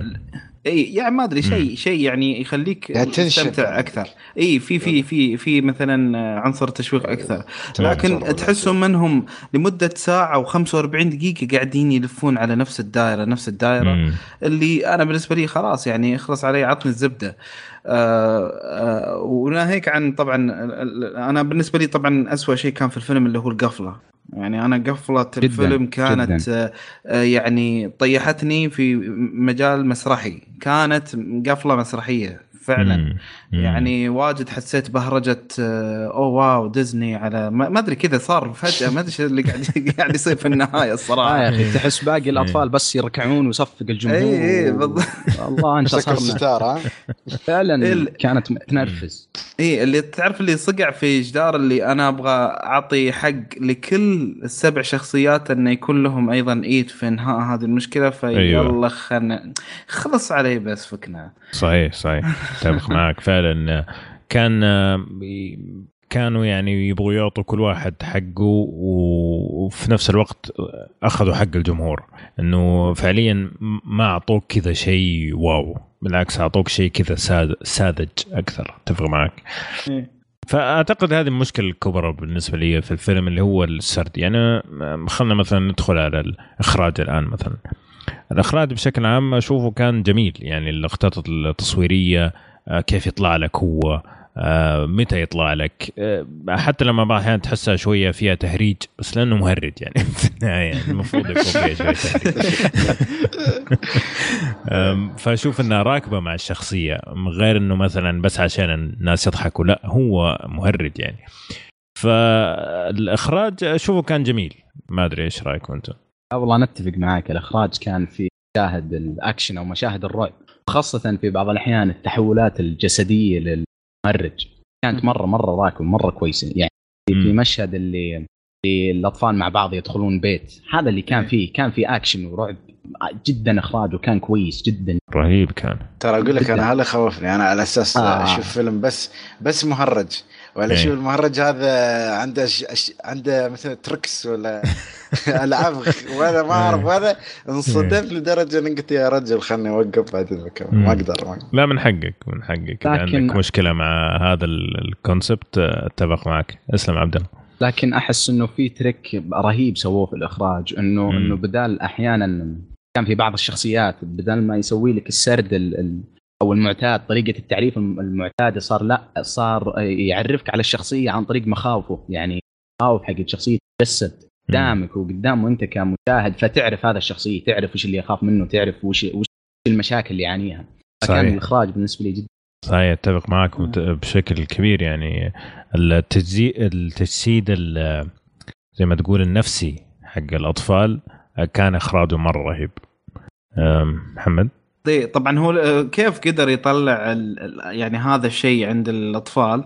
آه، ترى على فكرة كان يحاول بقدر المستطاع إنه ما يخلي بل يقعد مع هذولا الأطفال فيتعودون عليه. كان أيوة. دائما يحاول يعزله عنهم بحيث انه لما يجي كان في فترات كثيرة صدق كانوا خايفين منه أيوة. يعني لدرجة انه في بعض المشاهد عادوها لأنه كانوا يبكون بعضهم وكذا إيه ف... لهم الهم يا شيخ إيه ف... ف... فهذا يعني يثبت لك أنه هو كان ماخذ ال- ال- الممثل والمخرج اثنينهم ماخذين الموضوع بجد- بجدية كبيرة وهذا شيء صحيح. جيد يعني صحيح صحيح. أنا سمعت شيء بس إنه شو قريت يعني شوية سمعت أخبار عن فيلم يقول لك انه أصلا ما خلوا الأطفال يشوفونه لين ما سووا أول لقطة بينهم interactive بينهم وبين ال- ال- المهرج. ولا من صحيح. قبل ما كان شايفين حتى concept عن كيف شكله بيكون. صحيح. فالفجعة فجعتين جات. إيه. بس يا هل- أخي هل- ما أعرف كيف حال الأطفال حاليا صراحة. هالمهرج يا أخي ما انجن بعد الفيلم؟ ما استوت له مشاكل نفسية شيء. يا أخي أحس ضبط الشخصيه لدرجة انه شكيت إنه هو بني آدم. آه، ما دام جبت السيرة آه، قل لنا إيش رأيك في التمثيل. والله أنا ما إيه. أنا ما شفت وايد من يعني بس الجزئيات أنا اللي شفتها يعني لا أنا عيبوني الأطفال ذكروني إيه. أكثر شيء يعني كيف المغامرات ال- ال- القديمة هاي تعرف اللي يكون في شلة يهال مع بعض جونيز مين تقريبا ذكر جونيز أيوه أيوه بقى أجيب لك هالاسم يعني كان أنت يا شوية خالد ما حد ثاني بلا- يعرفه. لا أنا الصغار ساكتين والله المشكلة تعرف إيه. هذا الفيلم يعني ما شايف مم. أنا من زمان شايف إنه يعني فترة إيه. قريبة يعني. لا أنا شفته في وقته يعني Goonies إيه. زين فلا ال- ال- المغامرات الحلوة هاي ال- والمهرج هذا يا أخي يا أخي هذا ما أدري شو أقول عنه. صراحة إنسان ما أدري كيف ضبط معاهم يعني ما أدري كيف اختاروه. يعني أكيد في على الأقل 10 ولا 20 شخص سوى مثل ما أقول لك اللي هو ال audition ال- الأداء التجريبي. بس هذا. ما أدري كيف ضبطوه. إنسان مجنون صراحة. كان راكب حس. شوف الصراحة يعني بالنسبة لي أنا أشوف الكلام كثير عليه وتمثيله يعني كان كويس بس ترى كمية المكياج و... وكيف غيروا شكله يعني هي اللي ساعدته. لأن أشوف كتمثيل كان أوكي مقبول. يعني بس ما هو للدرجة اللي في ناس كانوا يطالبون إنه يترشح للأوسكار لا أبدا. لا لا لا مش مش فأنا أقول لك يعني تمثيله كان- تقمص كان- دور المهرج يعني. والله حتى حتى هذه ممكن ضحكته صراحة ضحكته آه يعني لا يعلى عليها. بس أي شيء ثاني بالتمثيل ما ما أحسه أنا بالنسبة. يعني كان كان كان أعلى من المطلوب. آه،. طيب عبد الله. إيش رأيك في والله يمكن؟ لأني بس بس بس نقطة يمكن لأني إيه. أنا ما كملت الفيلم فعشان شي ما ما أخذت الفل بيكتشر الصورة الكامله عن التمثيل عرفت فلا. تاخذوا عن كلامي 100% 50% خذوا بس طيب يا خالد شكرا على حضورك واضح حتى احتني كل جملة زي كذا خلاص ما نبغى. خلاص بس إيه. آه، تابعونا حساباتنا. آه، عبد الله طيب الأطفال إيش رأيك فيهم؟ يا أخي الأطفال كان تمثيلهم رهيب. مم. يعني مثلا أنا أنا تكلمت عن ال- الولد اللي كان في Stranger Things يعني ترى شخصيته في Stranger Things مرة غير مرة مرة مختلفة. يعني حاليا عبيط وتشوفهم يعني مرة هم الوضع جدي وهو قاعد يستظرف عليهم و... فكان مرة كويس. وفي برضو اللي هو ال- ال- اللي ال- ال- ال- اللي كان الليدر حقهم في المجموعة اللي, اللي اللي أخوه هو المخطوف. إيه، اللي تأتأ. أيوه اللي تحت أيه. هذا تمثيله كان كويس أيه. كان مره أيه. مرة رهيب مم. برضو في البنت اللي معهم آه، هذه مرة يعني كانت آه، اللي كويس وفي الولد برضو ال- اللي كان يتعرض للتنمر ال- أي. ال- اي كان هذا مرة كويس فالتمثيل بشكل عام الأطفال كان مرة كويس حلو محمد اي أنا أنا اللي عجبني أكثر واحد طبعا أكيد ال ال الأطفال كلهم كان بينهم chemistry رهيب يعني آه، ساعد في انك يعني تتقبلهم انه يعني يقنعونك انه لا هذا الشيء مخيف انه يعني ما هو فيلم يعني أو ما هو تمثيل لا كانه أيوة. شيء original أقنعوك بالحالة اللي هم فيه. بالضبط. آه فعندك اللي هو طبعا بيل سكارز جارد آه عندك يا أخي رهيب. يا أخي خاصة اللي هو آه، مشهد ال- المطبخ مثلا. okay في بعض الأشياء كانت CGI لكن ترى في البعض الآخر من التصرفات ولا الحركات اللي كان يسويها ترى هو كان يسويها. مم. هو كان متدرب عليها. ممكن أنت تقول لا أنت يعني آه، الجسم ما راح يصير له هذه الأشياء. لا لا هو سواها بنفسه. أنت روح شوف behind the scenes. مشهد المطبخ بحد ذاته بتنفجع من انه يعني عنده القدرة أنه يحرك جسمه بهذه الطريقة وأنه قاعد يتدرب عليها وأنه يبغى يكون صدق هو مخيف. ف... فأنه قدر يسوي كل هذا يعني بأقل تدخل خارجي هذا كان يعني يعتبر انه كتمثيل كان مرة ممتاز. okay. Yeah. جميل. طيب آه، تكلمنا عن الإخراج ولا لسه؟ yes وتكلمنا عن السرد والتمثيل. طيب خلينا نجاوب على الاسئله المعتادة. آه، الفيلم فيه تعري؟ ما فيه تعري ما أتوقع. ما أتذكر. بس يمكن أنا شفته في السينما واحد. حق البنت. ما أدري في آه، السينما إيه. كان مقطع فما أتذكر صراحة. اللي لما دخلوا البركة كلهم نزلوا البركة آه يعني كان اي يعني شوية لابسين من غير هدوم يعني إيه. إيه. أيوه أيوة. بالضبط أيوة. okay آه، في بدايه كلام آه لا ما في ينفع للمشاهده الجماعية ينفع أنا أنا صراحة أنا تفرجته مع الشباب وفي إيه. شغلة بس ب- بحب اكد عليها لأنه ترى ممكن في ناس يسمعنا ي- نقول أطفال وما أطفال ترى الفيلم فور rated R فما إيه هو معناته إنه في أطفال يعني إنه إنه موجه للأطفال. لا الفيلم للكبار وفيلم رعب محترم صراحة.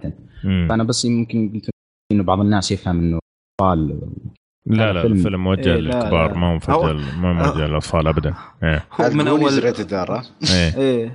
هو أنت شكلك خالد سكرته من أول ربع ساعة صح؟ أظن بعد لا لا شيء. كملت كملت آه شوي. إيه أوكي زين.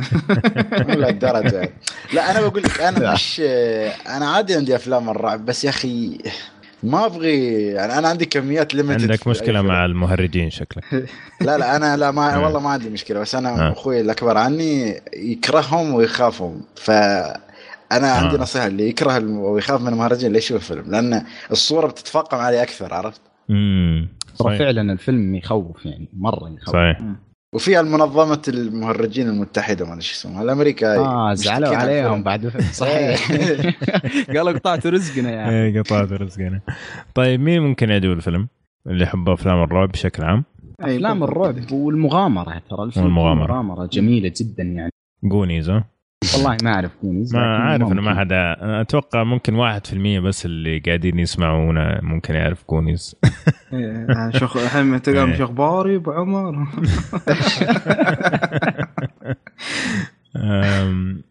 فاللي يحب أفلام المغامره وأفلام الرعب بشكل عام ممكن يعجبهم الفيلم هذا ولا؟ yes صحيح. yes yes طيب جميل. طيب نهاية الكلام محمد. yes أنصح فيه. جميل. عبد الله. طبعا انصح أنصح فيلم جميل وخفيف ولطيف. يا خالد ما راح أسألك صح؟ لا لا ما أنا صراحة ما خلص الفيلم ما أقدر إيه، في- أنصح. ما- ما ما شفت النهاية. عشان أقول. لك إيه. أنا عارف ما إنك وصلت تقول. نفس الجملة فعشان كذا ما أنصح أنصح. أنصح بتحفظ ها؟ هاي صدق يعني. آه، بالنسبة لي آه، يعني بشكل عام أنصح لكن ال- الفيلم آه، يبغى له شوية تفويت وأنت بتتفرج فأنت تشوف في البيت كذا الريموت في يدك تفوت المشاهد اللي تاخذ وقت أكثر من اللازم أتوقع حيطلع فيلم كويس. أنا كانت لعنتي انه شفته في في السينما فكنت مضطر إني أشوفه بالكامل وتعبت صراحة وأنا قاعد أتفرج ومليت وكان ودي أمشي. آه، لكن آم، اللي كان معايا كانوا يبغوا يخلصوا الفيلم فخلصته معاه. لكن غير كذا مع التفويت أتوقع يطلع فيلم أفضل بكثير من اللي أنا شفته في السينما. حلو الكلام. طيب آه كذا نكون وصلنا لنهاية الحلقة. تكلمنا في البداية عن نقاش عن أفلام ال superheroes تأثيرها على السينما. بعدين تكلمنا عن الفيلم الأيقوني آه تاكسي درايفر والفيلم اللي نزل مؤخرا على البلوراي آه ات نسخة 2018 آه، أتمنى يا شباب تكونوا استمتعتوا معنا إنه هذه كانت حلقتنا اليوم. آه، ولا تنسوا تعطونا تعليقاتكم على الموقع وفيسبوك وتويتر. واعطونا تقييماتكم لنا على صفحتنا في الآيتونز. كمان لا تنسوا تتابعونا على يوتيوب. عندنا أشياء جميلة هناك. ونشوفكم إن شاء الله حلقة قادمة على ألف خير. وشكرا للشباب الموجودين معنا اليوم.